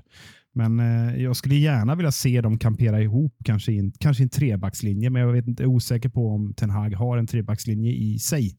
Där Viktor och, och Martinez skulle få varsin liksom, ja, ytterbacksroll i, i en sån trebackslinje och så Varan i mitten. Det hade jag velat se. Ja, här är jag också liksom så här att jag känner att jag, jag, jag, jag sågar det här sista, att jag känner att jag, jag skiter i om vi är fem, tre eller fyra backar där bak. Alltså, om de bara kan vara samspelta och organiserade i sitt försvarsspel så liksom, jag, jag, jag bryr mig inte liksom. Jag tycker att det är, så här, det är en jävla lek med siffror som har sagts genom åren och det är, jag kan hålla med om att det hade varit, varit spännande kanske att se en, se en trebackslinje eh, nu när vi har så, vad som ska vara på pappret spelskickliga mittbackar. Men det är, nej, jag, jag slår fast att det inte är där problemet ligger. Vi kan spela lite hur fan som helst nu formationsmässigt. Om vi inte, om vi inte jobbar för varandra, fyller varandras luckor och, och försvarar kollektivt så kommer vi bli straffade mot sådana här lag hela säsongen ändå. Absolut, jag köper det. Men samtidigt så igår var ju, om man ska välja att stå lite utanför och vara lite opartisk, vilket jag givetvis är, jag håller verkligen på. Jag gillar varken Spurs eller Chelsea, men, men eh, jag tycker Chelsea var klart mycket bättre. Men det var intressant att se battlet mellan tränarna när de skiftade system eh, och kontraslog mot varandra, eh, men gjorde olika drag. Det kan jag uppskatta som fotbollsälskare, men jag blir lite jag blir lite orolig för Sir Alex var ju sylvass på det. Att skifta formation. Och, men han var ju så trygg i grundspelet så att det gick ju att göra det med de spelarna. Nu är ju inte Ten Hag där. Han håller på och liksom nöter in ett A i truppen och det, och det är klart att då jag håller med dig om att hålla på och laborera med siffror och panik, eh, kasta ut en femback hem mot Liverpool kommer ju kanske inte hjälpa oss på kort sikt, men jag blir ju lite orolig när eh, de spelarna han vill satsa på är så otroligt usla. Liksom, och Martinez tid kommer, men eh, vi får se om han får spela här nästa match. Nej, men det, det blir vi aldrig, Men du har ju själv, eh, för att citera dig Micke, så det är ruttna brädor. Liksom. Det, här, det kommer ta tid att bygga om det här och det har vi hamnat, hamnat om tidigare. Liksom. Och vi måste påminnas om det när vi har såna här plumpar eh, och inte göra för stora, dra för stora slutsatser av det. Utan det ska, ah, han behöver ju två, två transferfönster till innan vi ens kan bedöma Ten Hag. Det är ju ingen snack om saken om man tittar på de spelare han har fått här. Så vi har fått e- Eriksen, Martinez och Malassia. Eh, samtidigt som Chelsea värvar Sterling och Koulibaly och Arsenal värvar Gabriel Jesus. Det är, liksom, det är ju ett katastroffönster so far. Vi får se mm. om, han kan, om han kan lösa något sista två veckorna. Men man kan ju inte riktigt klandra, klandra Ten Hag för att han uh, har fått arbetsro här i början. Så vi, vi kommer behöva ha tålamod om vi ska ha en chans att se vad han kan göra med den här truppen. Precis ja. samma sätt som vi hade tålamod med Ferguson en gång i tiden. Väl rutet. Fansens röst är tydlig och rätt. Glazers är ett problem och måste bort omgående. Och eh, för de som, det är väl inte så många som missat det kanske, men för att få lite eh, bakgrundsinfo om det så har det blossat upp som det alltid gör när det går väldigt dåligt för United så läggs det mycket fokus på ägarna. Eh, och Det kan man tycka vad man vill om och det ska vi såklart debattera här nu, men Därför så tänker vi att vi ska ta ett grepp om det ordentligt. Vi funderade på att göra det förra veckan. Det blev lite ont om tid så vi kör ett lite större grepp nu istället. Och eh, Jag tänker att Gustav ska få eh, börja här. Får vi se om vi får någon eh, Gary Neville och Jamie Redknapp diskussion eller om det blir mer sammansvetsat än så. Ja, vi får se vad jag hamnar i. Varning för att det här är ett av mina absoluta favoritämnen. Alltså. Så nu, eh, nu åker vi alltså. Så det, det här rycker vi inte av på 20 sekunder. Alltså. Det här har jag debatterat flitigt på Twitter de senaste åren här. Men så här va, så jag, jag har suttit och klurat lite. Glazer som ägare, bra eller inte? Det är det som är, det är, det som är frågan då. Eh, då är min fråga, så här, hur bedömer man egentligen om en ägare är bra eller inte för, för en fotbollsklubb eller en fotbollsklubb som Manchester United? Jag har kommit fram till att det är tre primära saker som man kan mäta en ägare på för att bedöma om de är bra eller inte. Två av dem är kritiska, jätteviktiga och en är lite mer nice to have. Så om man tittar på de två primära sakerna som är jätteviktiga så är det ena finansiell förmåga, eh, det vill säga se till att klubben har bästa möjliga resurser att konkurrera på högsta möjliga nivå. Eh, sen det andra är operationell förmåga. Eh, så operationell förmåga är att man antingen har kunnandet att driva den sportsliga verksamheten eller självinsikten att inse att man inte har det och se till att anställa folk som har kunnandet för att driva den sportsliga verksamheten. Så finansiell förmåga och operationell förmåga, det tycker jag är de allra viktigaste sakerna för att vara en bra ägare. Eh, lägg där till lite mjukare värdena, eh, hjärta, passion och lidelse för klubben. Det tycker jag är, eh, är jättefint att se en gråtande Abramovic sitta och vinna sin första Champions League och se lidelsen i hur mycket han faktiskt bryr sig om att det ska gå bra för Chelsea. Eh, stor respekt för det. Hade jättegärna velat ha det med United-ägare också. Men det är inte en dealbreaker för mig. Har man de andra två grejerna så får man inse i en modern fotbollsvärld att så ser det ut ibland. Alla är inte liksom födda fans eller har lyckats bli konverterade fans. Utan det är, det är affärer. Liksom. Så jag tänker att med de tre grund, grundpelarna, om, vi, om jag ska i alla fall göra ett försök på att utvärdera vad jag tycker om Glazers utefter de pelarna. Så om vi tittar finansiellt eh, så tycker jag att det är ett alltså, enormt populistiskt missförstånd eh, att klubben skulle vara rånad på något sätt eller ekonomiskt dåligt skött sen 2005 när Glazers tog över. Det stämmer, eh, ja, att klubben köptes här med en leverage buyout, alltså superhög belåning med sin egen kassa. Det är inget ovanligt i, i företagsvärlden, men absolut, det stämmer. Så det stämmer också att man betalar dyra ränteutgifter och direktavkastning, alltså utdelning till ägarna. Men om man tittar under Glazer och Woodwards ledning här eh, så har ju klubben gjort så extremt kommersiell framgång eh, 2005. Så det ju, har ju garanterat liksom flerdubblat, de intäkter som de har genererat under Glazers ägandeskap eh, har ju flerdubblats jämfört med de utgifter som man, vi har fått betala som klubb för att få de här intäkterna. Så det är ju liksom fortfarande världens mest intäktsdrivande klubb vi pratar om här, trots att vi inte har vunnit Premier League på över tio år. Och det är ju Glazers och Woodwards eh, förtjänst. Och det kan man inte ta ifrån dem. Eh, sen så är det väl, liksom Gary Neville har varit ute, eh, Kave Solekol heter han det, Sky Sports eh, ansvariga här som hade ett, litet, ett par minuters rant där han satt i eh, kostym och skjorta och såg lite myndig ut och pratade om hur eh, ekonomiskt dåligt skött United var och hur Glazers var tvungna att gå här. Superpopulistiskt när de förlorade första matchen. Men det är ju liksom det är helt fel att säga att Glazers inte skulle ha investerat sina egna pengar i klubben för att köpa spelare. Utan faktum är ju att Glazers äger ju Manchester United, det vill säga att den vinst som de genererar för Manchester United är ju primärt deras. Så när de väljer att återinvestera den i att köpa nya spelare så är det deras egna potentiella vinst som de väljer att återinvestera i klubben. Så det är ju liksom skitsnack att Glaciers inte skulle investera sina egna pengar för att bygga United. Och därtill då så har vi spenderat mest pengar på transfermarknaden, eller nettopengar, de senaste tio åren och vi har bland högst löner i världen. Så det är ju finansiellt så tycker jag att de har gjort ett otroligt bra jobb för United. Så det är liksom populistisk smörja tycker jag att påstå att Glaciers skulle vara finansiellt dåliga för United. Men jag pausar där innan jag hoppar in på det operationella där vi kan ha ganska mycket åsikter om. Är det någon som har några, har några invändningar på ekonomiskt Glazer, Glazer skött United? Inte från mig i alla fall, för jag håller ju med dig på den punkten. Jag ska säga tudelat, för jag är inte alls så som många som bara skriker och säger att de har ju köpt, belånat klubben och liksom använder aldrig några egna pengar. och så här, Det är väl som du säger, jag, Först ska brasklapp och säga, alltså, ekonomi där, det är, det är inte min starka sida, så det lämnar jag åt folk som har bättre koll på det. Så jag känner att jag inte kan ha för starka åsikter heller, för att jag inte är tillräckligt insatt i det. Eller tillräckligt kunnig, liksom påläst, etc. etc. Det som eh, är intressant är väl att det har kommit en hel del siffror på senare år där det här liksom, United har byggts upp väldigt mycket ekonomiskt och varit väldigt bra under många år, men sen det senaste nu har dippat och framförallt nu handlar det väl om den senaste liksom, tröjsponsorn eh, Teamviewer som bara förra veckan har deklarerat att de vill inte förlänga avtalet och då har de precis tecknat det avtalet och det ska grunda sig i att de inser att det här är inte värt det. Varför har vi gjort det här och att det är riktigt dålig deal för dem själva. Och så har det inte varit tidigare. Tidigare har alla bara slott som får vara liksom en del av, eh, av United på alla sätt. Och Det tycker jag är oroväckande att det finns de, de tendenserna. Och Det kanske du Gustav kan förklara varför det ser ut så, för du har betydligt bättre koll på det än vad jag själv har. Så jag väljer lita mer på dig där än på min egna åsikter och liksom magkänslor här, vilket är dumt att killgissa när jag inte har tillräckligt bra koll på det. Men eh, det finns ju liksom illavarslande bitar som visar att liksom klubben ändå står och vacklar lite på det kommersiella eh, på ett sätt som de inte har gjort tidigare tidigare. Och eh, Det kan ju åtminstone vara en oroväckande punkt. Du får jättegärna komma in här och fylla i. Nej men superrelevant. Jag tycker Teamviewer kan man ju prata om i liksom, att, att teckna ett femårs, ett eh, rekorddyrt femårs sponsorship-avtal eh, för att man ska göra, liksom, få bra reklam för sitt varumärke och sen så ett år in på det kontraktet eh, säga att man har gjort ett misstag. Jag vet inte vem det är som förlorar mest på det. De ska ju fortfarande betala United i fyra år till. Det är liksom ja. hål i huvudet av team, Teamviewers typ, marknadsföringsavdelning eh, om någonting. De borde ju verkligen backa United här på den här resan i fyra år till. Om inte annat för att de är uppbundna kontraktuellt. att, att liksom, de här, det är liksom sank kost för dem. Det här är pengar de har investerat.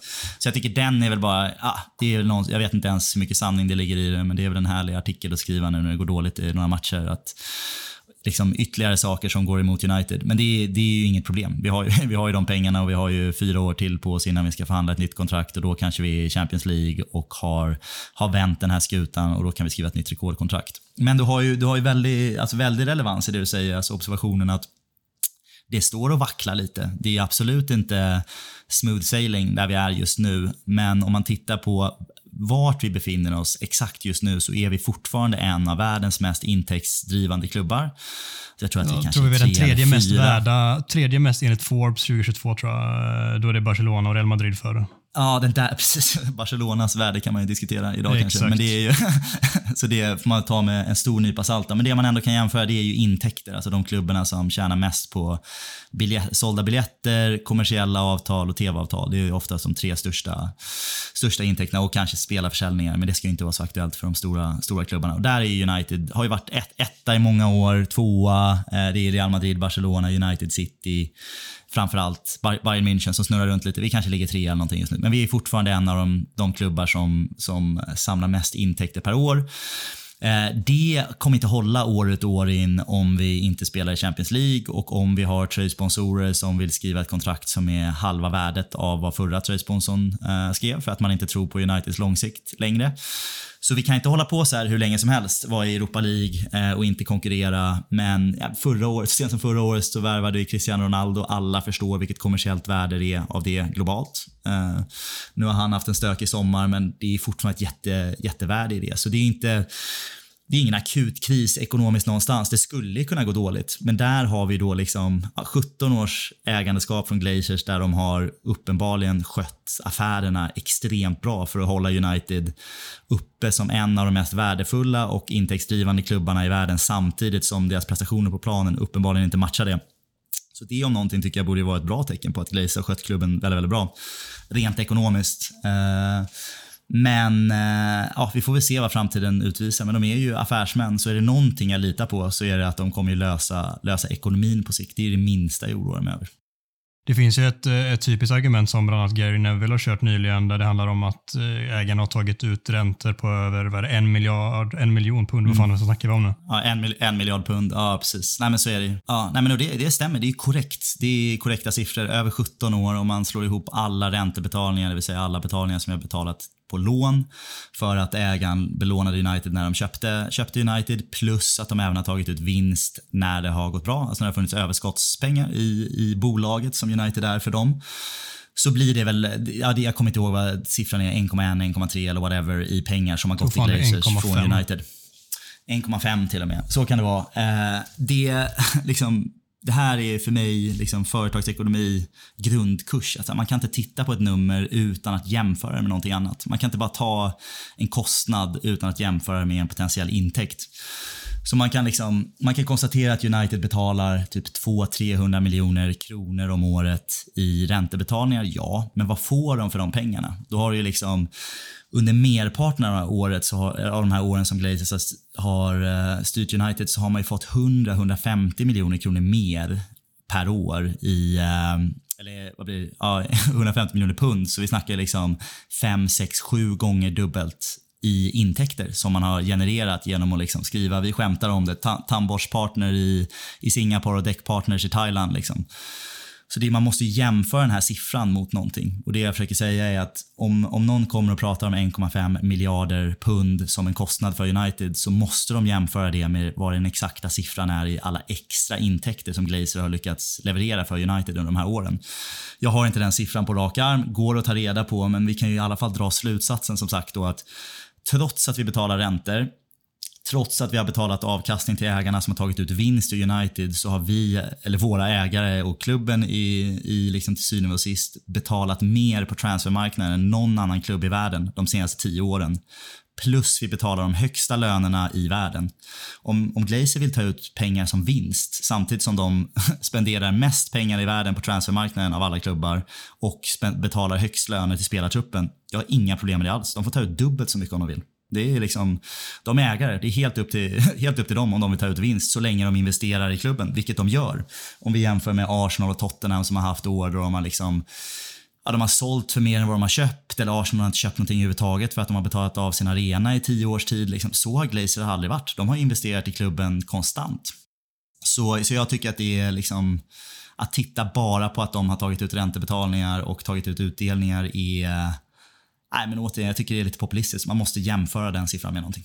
Och Det är också okunskap, eh, om jag bara får komma in och, och hålla med egentligen. Eh, jag såg någon lista, eh, Mackan skickade i vår chattgrupp här, att någon lista på klubbar eh, vars ägare har liksom investerat eller puttat in mest pengar, som jag uppfattar nu, rätta mig om jag har fel, från eget kapital. Jag tolkar det, min företags, företagsekonomiska utbildning är inte lika gedigen som din Gustav, men till och med jag förstår ju att ett, ett företag eh, mår ju mycket bättre om du slipper ta från egna medel och putta in konstant. och United, ja, så, så, så är det. Vilka var det som toppade den? Ja. Det var Inter eller något, ja. var det något sånt? Inter och sen Milan och sen Chelsea. Liksom. Chelsea det är inte Real Madrid och, det är inte Real Madrid, Barcelona, Bayern München eh, som vi vill konkurrera med. Liksom. Det är inte de som ligger där uppe för att de genererar intäkter i sig. Newcastle kommer väl bli den nya, nya nummer ett där. Liksom, för de kan inte generera intäkter själva i klubben. Vilket dopa. gör att de behöver, de måste dopa. Man kan göra Manchester City, man liksom hyr ut namnet på sin träningsanläggning till Abu Dhabi via diverse liksom, sponsordeals och så betalar man 30 miljoner pund om året. Liksom. Det är ren sportswashing för att få in pengar i klubben. För att Manchester City som varumärke, jag hatar att pra prata om klubban som varumärken, men det är en realitet. De lockar inte tillräckligt stora intäkter, så de måste göra liksom lite fuffens och båg accounting mellan sina ägare för att få in pengar i, för att få in pengar i klubben. Det behöver inte United göra.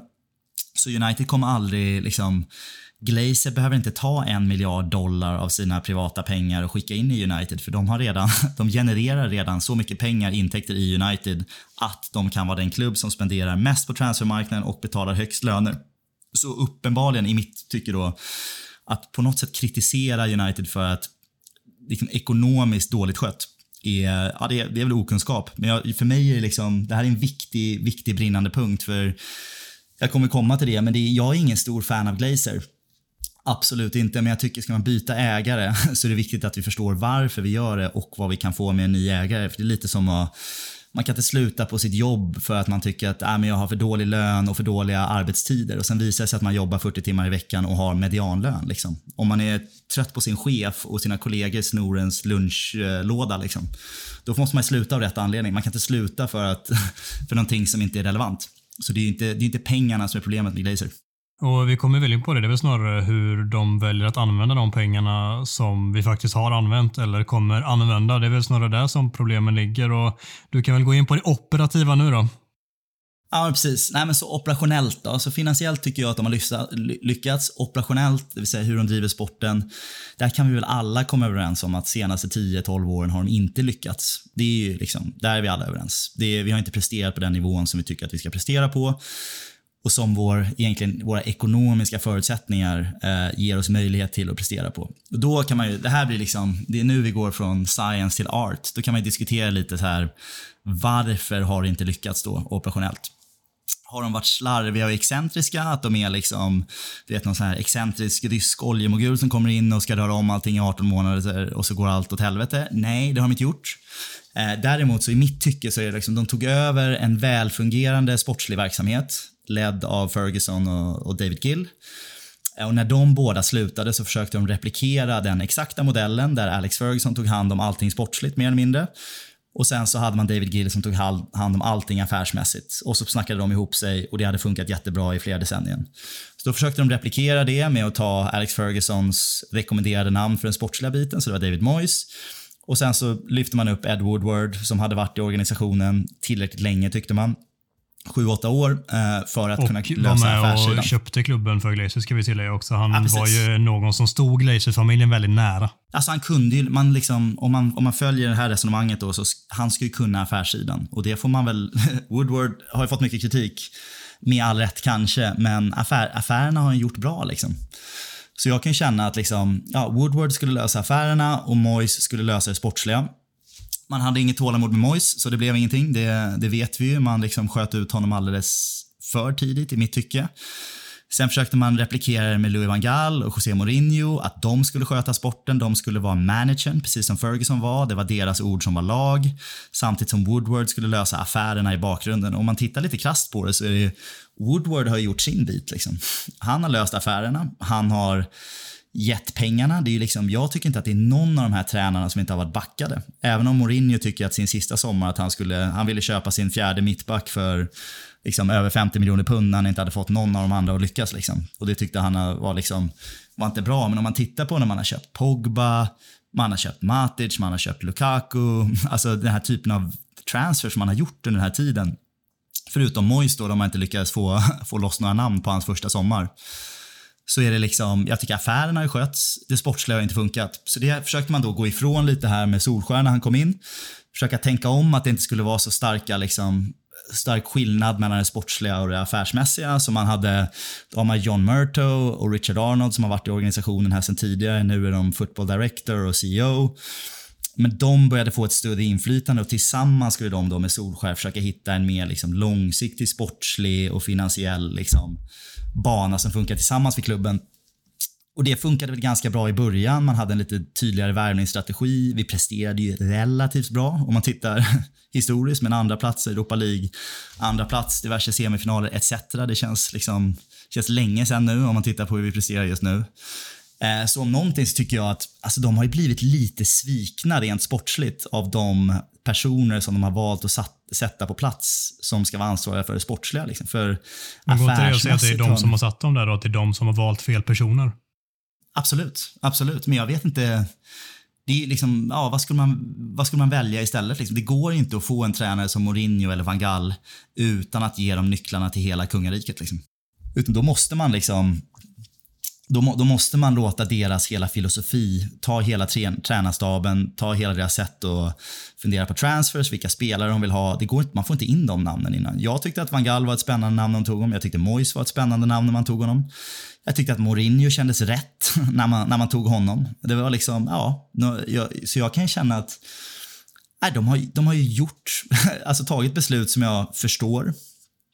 Och sen så har det inte, alltså de sportsliga ledarna har inte lyckats, lyckats få ut det som man förväntar av dem. Så jag tycker att det, om någonting har de blivit svikna sportsligt. Men jag håller med dig, där kan man kritisera dem. Hade de varit mer sportsligt kunniga, hade haft bättre sports directors emellan, så hade man kanske kunnat undvika de besluten. Om man tittar på vad City har gjort som plockade liksom Trixie från, från Barcelona, eh, Chelsea snodde Peter Canyon från United när de började sitt uppbygge. Så eh, man kan ju tycka att vi skulle haft en bättre ledning däremellan. Men det är ju, ja, jag tycker att, jag tycker att de har blivit lite svikna.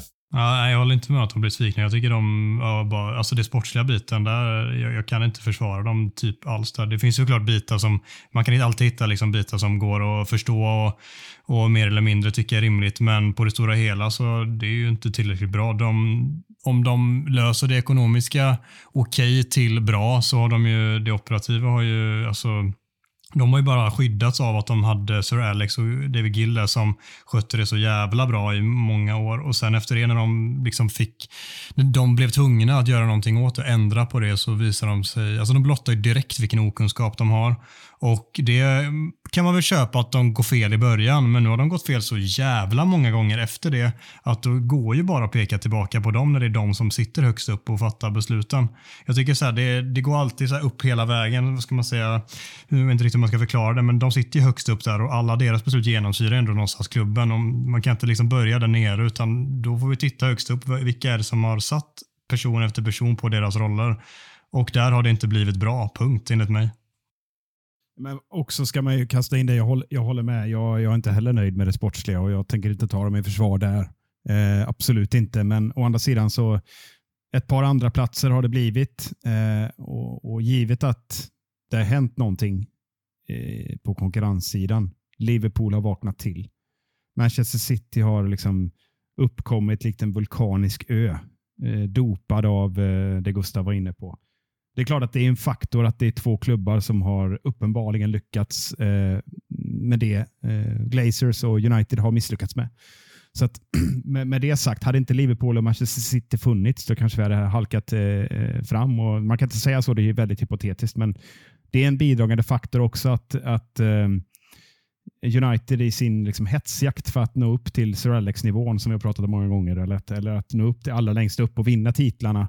Eh, det har liksom, ja, de har blivit reaktiva i, i min värld eh, och jag håller med Gustav att jag köper flera av rekryteringarna. Fanchal, Mourinho kändes ganska logiskt Ja, ja. också. Det, det går att köpa. Men, men, men, eh, men jag tycker också att man har blivit reaktiv eh, och stressat fram och eh, då har man gjort alla de här ja, tycker jag, misstagen i, i och inte liksom rekryterat med, med, med, på lång sikt utan bara tittat på nästa säsong hela tiden. kortsiktiga lösningar för vi måste lösa med Champions League-pengarna. Då liksom så här pang, pang måste ske någonting och så har de inte kunskapen för att sätta rätt person på de platserna då i så fall. Eller ta ett långsiktigt tänk, implementera, implementera en långsiktig plan. Det, det är hela tiden det där kortsiktiga och det, det får de ta på sig enligt mig. Det, det är de som inte är tillräckligt sportligt kunniga där. Nej, men det, alltså här, här har vi samsyn. Jag, säger, jag öppnar med att säga det att operationellt så har de inte lyckats. Så det, jag, jag håller helt med, men jag vill nyansera det med att ändå förklara att jag förstår besluten de har tagit. Jag tycker att om man tittar på hur mycket pengar de gav van Gaal och Mourinho framförallt, den, de spelarna som han fick köpa och inte fick den utväxlingen eh, som jag i viss mån tycker att de borde förtjäna med den, den backningen som de har gett de här tränarna, så kan jag känna att det är det är, det är tufft. Liksom. Jag tycker det är, inte, det är inte helt glasklart vad de skulle ha gjort annorlunda för att det skulle funka, förutom att det är alltid lättare att ta beslut i, i efterhand. Liksom. Men jag håller med, operationellt så har man inte lyckats. Det, så är det. Men jag tycker också att man ska, vi ska ha i åtanke att de har varit ägare i, i 17 år. Vunnit fem Premier League-titlar, fyra inhemska tror jag, en Champions League, en Europa League. Så det är, och det, det är lätt att liksom skaka av det och säga att ah, jo, men man kom ju till ett självspelande piano där Ferguson och David Gill löste allting. Ja, men de hade också kunnat komma in och vilja rucka om det det fanns perioder där, där Ferguson var lite, då folk började tycka att det kanske var att han var färdig. Han var inte självskriven 2005 på samma sätt som, som eh, man tror här i efterhand. Eh, men de gjorde, tog ett aktivt beslut att här har vi någonting som funkar väldigt bra och det kommer vi backa till 100%. Och det gjorde de och det gav Premier League-titlar och Champions League-titlar, eller en Champions League-titel. Eh, och sen det här vet jag inte, men min gissning är när Ferguson slutar sen och David Gill, båda de sitter ju kvar i United som någon typ av sportsliga rådgivare eller i någon sån här Ralf Rangnick-roll. Eh, så, så jag misstänker att de har, eh, de har haft väldigt stort inflytande i, eh, i hur framtida rekryteringar har varit. Och där har det blivit fel. Men jag skulle gissa att familjen Glazers har pratat ganska mycket med både Ferguson och David Gill om hur ska vi lägga upp det på bästa sätt nu när ni slutar. Och där har det blivit fel. Och då kan man ju fråga sig, ja, skulle de ha frågat någon annan? Skulle de ha förstått att Ferguson var en bra fotbollstränare men inte en bra rådgivare? Eller att David Gill var, ja, whatever liksom. Men jag tror att de egentligen har gjort, alltså de har agerat så som jag nog också hade agerat om man hade tagit över United 2005. Och sen så har det bara blivit extremt dålig utväxling sportsligt här de senaste tio åren. Ja, och, och, vi är ju liksom, vi är lekmän och vi, om vi sitter och jämför oss själva med dem, det säger väl allt om deras liksom, kapacitet och förmåga. Liksom. Vi sitter här och poddar om det och de sitter och äger klubben och vi har förmodligen eh, typ lika mycket fotbollskunnande som de. Liksom. Det, ja. och det, det, är fel personer på fel platser. Liksom. Det, det, de har skickat in pengar till de här tränarna, men hade de ansett någon som förmodligen har någon gnutta liksom, fotbollskunskap eller i närheten av en som de, var, de andra klubbarna sitter på för liksom, plattform i, i, i liksom, sportslig kapacitet så hade de kanske sagt nej, vi ska inte lägga de här pengarna på den här spelaren eller vi ska inte ha vi ska inte resonera så här i, det, i den här försäljningen eller whatever. Ni fattar vad jag menar. Och där tror jag att de har gjort sitt absolut största misstag och eh, det har ju lett väldigt, väldigt, eh, så, så väldigt störtande ut för, för dem. Ja, men alltså där, eh, jag hör dig och jag förstår dig. Där kan jag känna att det är, jag vet inte vilka ägare det är som alla alla jämför med. Alltså jag, jag, tror att alltså merparten av fotbollsägare ser ut typ så här. Ja, det är några som har lyckats jätte, jättebra. Det är ju typ under en handfull. Och man kan jämföra sig med de allra bästa och känna att de har, ja det är väl, i min, i min värld så är ju var, Chelsea, Chelsea, Manchester City, PSG, eh, Bayern München, vad de, vad de lyckas med, kanske framförallt de första tre, som att de har kommit lite underifrån. De har ju fantastiskt lyckats liksom ändra sina sportsliga, sportsliga verksamheter till att bli bland de bästa lagen i världen från att inte ha varit innan och det är ju jätteimponerande. Men sen då, liksom att, att försöka inbilla sig att liksom Stan Kroenke i Arsenal eller Daniel Levy i Spurs, att det är en bättre ägare. Liksom. Alla de år som de har som sagt klagat på att de inte har fått köpa en enda jävla spelare. Och liksom, alltså Spurs och Arsenal är inte bättre lag än oss just nu. Jo, de har varit det i två veckor nu. Liksom. Men vi får se över 38 omgångar. Vi, får, vi, ser, vi, vet ju hur det har varit de senaste 17 åren och vi kan ju se de närmsta 17 åren framöver. Liksom. Det är Spurs och Arsenal kommer inte vara bättre än oss. Det kan jag ju liksom lova, lova här och nu. Så att de, de som ägare skulle vara bättre tror jag är skitsnack. Sen så kanske man idealiserar att man skulle ha någon typ av medlemsägande. För det blir alltid så bra. Host, host, FC Barcelona som är medlemsägda går ju fantastiskt bra där. E-, ekonomiskt och sportsligt på alla sätt. Liksom. Det är en jävla soppa. Så det är ingen garanti heller för att den ägandestrukturen är så himla mycket bättre än vad, vad vi har egentligen. Så min min, min liksom, om jag ska dra någon slutsats, jag ska säga först som sagt hjärta, det sa jag som en liten tredje parentes där. Jag tycker det saknas ju helt, det är jättesynd. Eh, det är ingen dealbreaker, dealbreaker för mig, men det är, hade ju fantastiskt att ha någon ägare som liksom, de som ryktas nu som faktiskt har lite passion till klubben, det hade ju känts jättebra. Men det är, inte, det är liksom inte en dealbreaker för mig. Så slutsatsen för mig är liksom att Folk gillar inte Glazers, det är fine. Eh, men jag tycker att det viktiga är att man, eh, man måste förstå liksom utmaningen att vara ägare och att det inte är någon quick fix bara för att det kommer in någon annan ägare här. Eh, för min del vill jag ha liksom, hell, alltså jag tar hellre vinstdrivna kapitalistiska amerikaner som inte kan europeisk fotboll än att ta oljemiljardärer. De har inga vinstintressen alls, det stämmer. De kommer inte plocka ut en enda krona för att de är backade av stora soverina stater. Men däremot så gör de det här med enda incitamentet är att rent få, alltså rent krasst blodiga händer med sportswashing. För liksom alla deras Helt brott mot mänskliga rättigheter. Jag alltså, skulle vidrigt att ha dem som ägare på riktigt. Ja, liksom. det, det skulle jag, vara en dealbreaker för mig på riktigt. Ja, alltså på riktigt. Alltså om vi hade fått en Saudi, Saudi-ägare, Qatar-ägare, så som Manchester City är byggda. Återigen, jag ska inte kasta skit här för jag är superstor beundran för hur de spelar fotboll. Pep Guardiola är en fantastisk tränare, några av deras spelare är fantastiskt duktiga och jättekul att se. Men som klubb, hur de är uppbyggda och vad liksom, det varumärke de har och vad de gör, alltså marknadsförings liksom, de är ett marknadsföringsinstrument för en stat som bryter eh, mänskliga rättigheter on a daily basis. Det vill inte jag att min klubb ska vara. Då ser jag hellre att vi kommer sjua resten av mitt liv med ägare som tar ut eh, liksom, räntebetalningar och, eh, och vinst ur United. Det, så det är liksom jag tror inte det finns, alltså, jag vet inte vilken ägare det är folk tror är där ute som kommer lösa alla våra problem. Nej, och jag, jag tycker det är först och främst eh, snygg genomgång Gustav. Eh, jag eh, är eh, lite imponerad får jag erkänna. Eh, jag, tycker, jag tycker det är viktigt att man, att man lyssnar på helheten, även om jag förstår det sistnämnda eh, och eh, det operationella och, och hjärtat för klubben.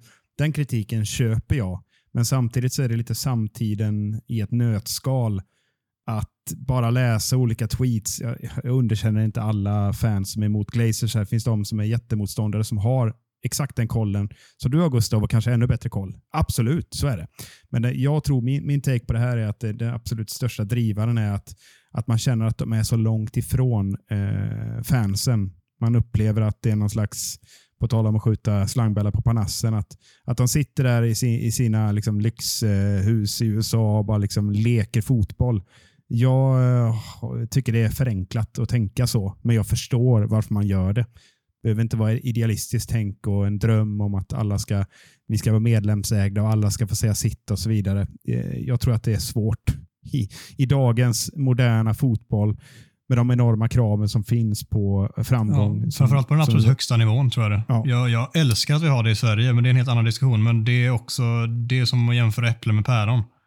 Jag tycker det helt klart, och bara för att avsluta mitt resonemang, så rent principiellt hade det absolut kunnat, alltså att byta ägare, hade det absolut kunnat ge klubben en ny start. Men eh, med det, med det sagt och med det i, eh, om man har det med sig, att ett sånt här hjärtbyte är inte gjort över en natt.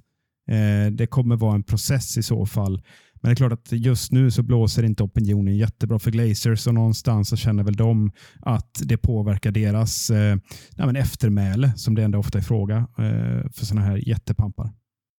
Ja, och det, det finns så jäkla mycket egentligen kring The Glazers också att prata om. För det, vi pratar om det, alltså vi har pratat jättemycket nu och det finns så jäkla mycket mer att hugga tag i också. Det, vi pratar om vad de har investerat i, i klubben och när vi pratar om liksom raka, raka spelarrekryteringen så har de ju lagt jättemycket pengar.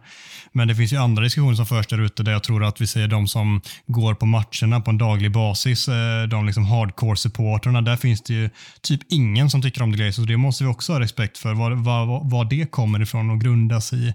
Och där handlar det ju väldigt mycket om liksom hur de har har skött arenan, utvecklingen på den som jättemånga tycker att den står och förfaller, att den var liksom topp, toppklass för 20 år sedan, men nu så har de inte gjort ett skvatt med den, liksom mer än snabba lösningar om det råkar läcka i taket, liksom, men knappt det. Uh, och att de inte liksom investerar någonting i den träningsanläggningen har de inte gjort uh, liksom, något, större grepp på. Det finns väldigt mycket sådana bitar som de som de United-supportrarna som bor, lever, blöder för United i Manchester, liksom att, som de känner. Och Det tror jag inte man ska underskatta heller. Eller det ska man inte underskatta. Nej, men det håller jag med om. Jag tycker ju liksom att det, eh, det var ingen som klagade på Old Trafford när vi vann titlarna. Liksom. Så det är, det är liksom min, det är min övergripande känsla på den kritiken. Old Trafford har sina, sina utmaningar för er som har varit där. Vet att det ligger en, ett, ett tågspår precis bakom ena läktaren som begränsar hur, möjligheterna att bygga om den på ett, på ett smidigt sätt. Vilket gör att det är ett jävla jätteprojekt att försöka, försöka lyfta upp den där lilla läktaren som ser ut som att det bara, kan man inte bara bygga upp den där så att den är i samma höjd som resten av, resten av läktaren på South Stand där. Eh, men det, det är inte riktigt så enkelt. Eh, nu pratas det väl om att de ska försöka göra någonting med, med arenan, men jag känner igen att all den här kritiken som är, det är ju för att det går dåligt sportsligt. Den kritiken kom aldrig när det, när det gick bra och jag tycker att det är, det är där jag blir faktiskt supernegativ till Gary Neville, hur han eldar på det här. Jag tycker att han det är liksom den värsta typen av tv-pandits när man, är, man har någon typ av credibility, att man är att man är lite intellektuellare än andra. Svenska motsvarigheten är Olof Lund, liksom, som på något sätt ger, ger intrycket av att han ska vara lite smartare än alla andra. Då har man lite mer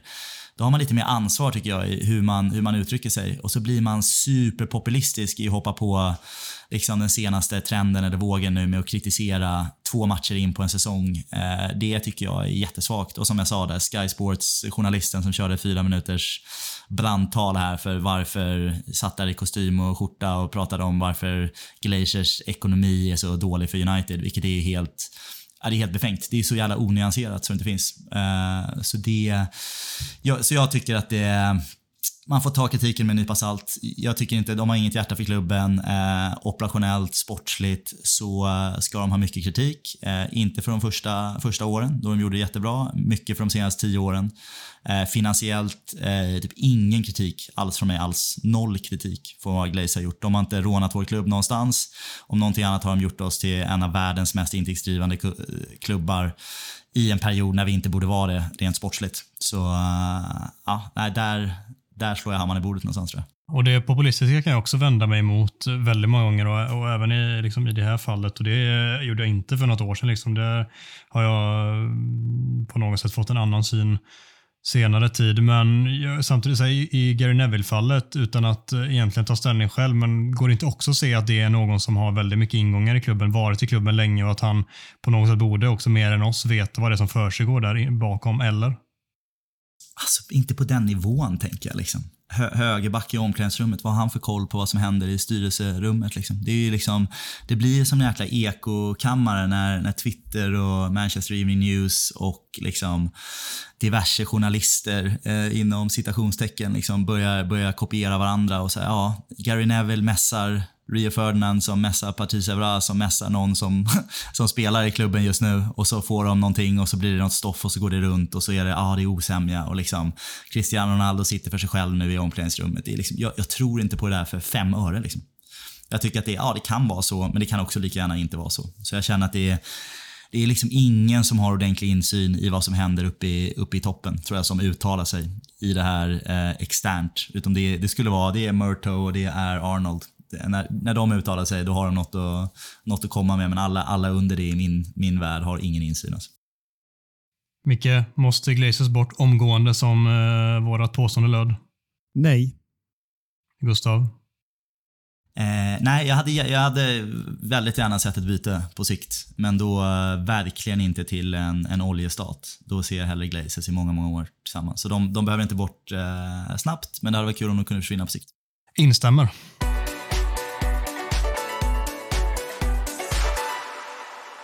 Som grädde på moset efter drömstarten väntar givetvis ett möte med värsta rivalen Liverpool härnäst. Måndag 21.00 är det som gäller och Gustav ska få riva av en motståndarkoll direkt.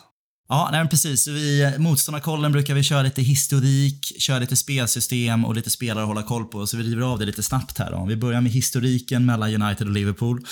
Så kan vi konstatera att Liverpool har vunnit 19 inhemska engelska titlar. Manchester United har vunnit 20, vilket gör oss till Englands största klubb och Liverpool inte till Englands största klubb. Så det kan vi ha som historik när vi går in i den här matchen spelsystem på Liverpool kan vi konstatera att ganska samspelt. Eh, det kör de på. Eh, spelare att hålla koll på.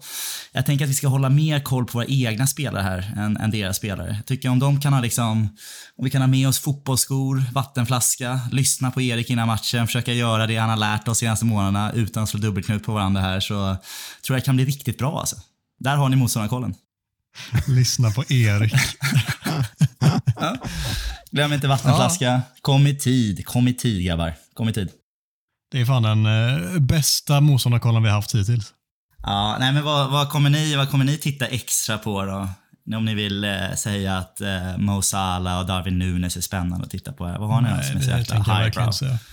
Jag, verkligen säga. Jag, vill, jag vill se hur vår defensiv sitter ihop, för det eh, gjorde ni ju kanske inte så jätte, jättebra mot Brentford om vi ska vara ärliga. Vill du se hur vår defensiv sitter ihop? Det är, ja, jag vet Nej. inte. Jag känner att jag kommer drömma mardrömmar om hur vår defensiv ska sitta ihop här. Alltså. Men det är väl det som kanske är eh, nyckeln då i matchen, att vi faktiskt lyckas eh, täta till defensiven och, och skapa någon målchans hela matchen. Det, det är inte så mycket begärt kanske. Nej, jag tycker på något sätt så Jag, jag tror fortfarande att vi har någon sån här kontringsfotboll i oss. Att vi, det kan passa oss lite att få lämna ifrån oss bollinnehavet. Inte ha för stora, för stora pretensioner när vi ska möta Brighton och Brentford. Med press på att vi ska ha stort bollinnehav och vara bollförande. Att det kan kanske passa oss lite bra. Så jag känner, eh, jag tror inte på en 5-0 förlust här. Det gör jag inte på riktigt faktiskt. Men jag tror att vi, jag tror vi kommer studsa tillbaka. Vi slog ju Liverpool på försäsongen. Var det 4-0 eller? Det var ju inga konstigheter alls. Så är det. Inga konstigheter. Det här löser vi. ja, vad säger Micke? Du ser jättetaggad ut. Nej, jag är inte alls taggad. Eh, jag, jag, är inte riktigt lika positiv som du är Gustav. Eh, även om Liverpools eh, form är, kanske inte är på topp. Visst, de slog tillbaka City där i den här Kalanka Cup. Har vi vunnit den 60 gånger eller något sånt där? Charity Shield, vad heter den för tiden? Community Shield eller? Community Shield, ja. Nej, men absolut. Jag är superorolig. För jag tycker Liverpool eh, bevisligen har hittat ett recept på senare år och eh, slå tillbaka United på. Eh, jag har inte, det var en usel motståndarkoll där från dig, så jag var tvungen att gå eh, igenom mig själv hur det ser ut. Men förra säsongen 09, det räcker väl att säga det. Eh, och Som ni är inne på så hoppas jag verkligen, jag är inte riktigt säker på hur det ska gå till, hur vi ska ta oss an matchen. På det sättet som Erik Ten Hag vill spela har bevisligen inte fungerat mot Brentford och Brighton försöker vi spela upp från, från bakplan med de Geas julgransfötter igen så kan det bli, eh, det kan bli historiskt eh, vidrig eh, match helt enkelt. Det, jag är superorolig och jag är inte riktigt klart för mig hur Ten Hag ska skaka fram en matchplan som liknar den som eh, ja, Solskär i alla fall lyckades skaka fram mot toppklubbarna. Nämligen att egentligen bara spela på motståndarnas misstag. För Liverpool har ju svagheter naturligtvis, men jag jag är ledsen, men jag ser inte riktigt hur United ska kunna plocka fram en sån matchplan.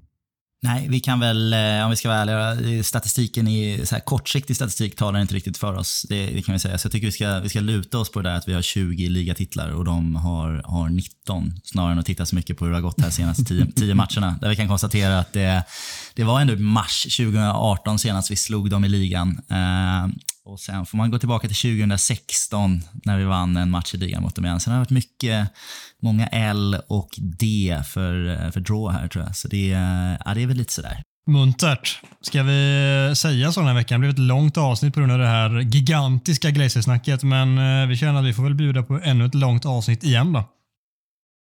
Ja, det tycker jag. Jag tycker om det är någonting ni tar med er från det här avsnittet så kan ni komma ihåg att eh, hette han, Les Reed blev sparkad på julaf julafton. Så om du har en dålig dag så kan ni tänka på hur dålig dag Les Reed hade julafton 2006. Santa Clueless. Santa Clueless. Ja, det är väl perfekt att eh, avrunda avsnittet på det viset. Tack för att ni har orkat hänga med oss hela vägen hit så eh, hoppas vi att vi får något, något lite, lite muntrare nästa vecka. Följ oss på sociala medier och eh, fortsätt lyssna på oss så hörs vi framöver. Ta hand om er.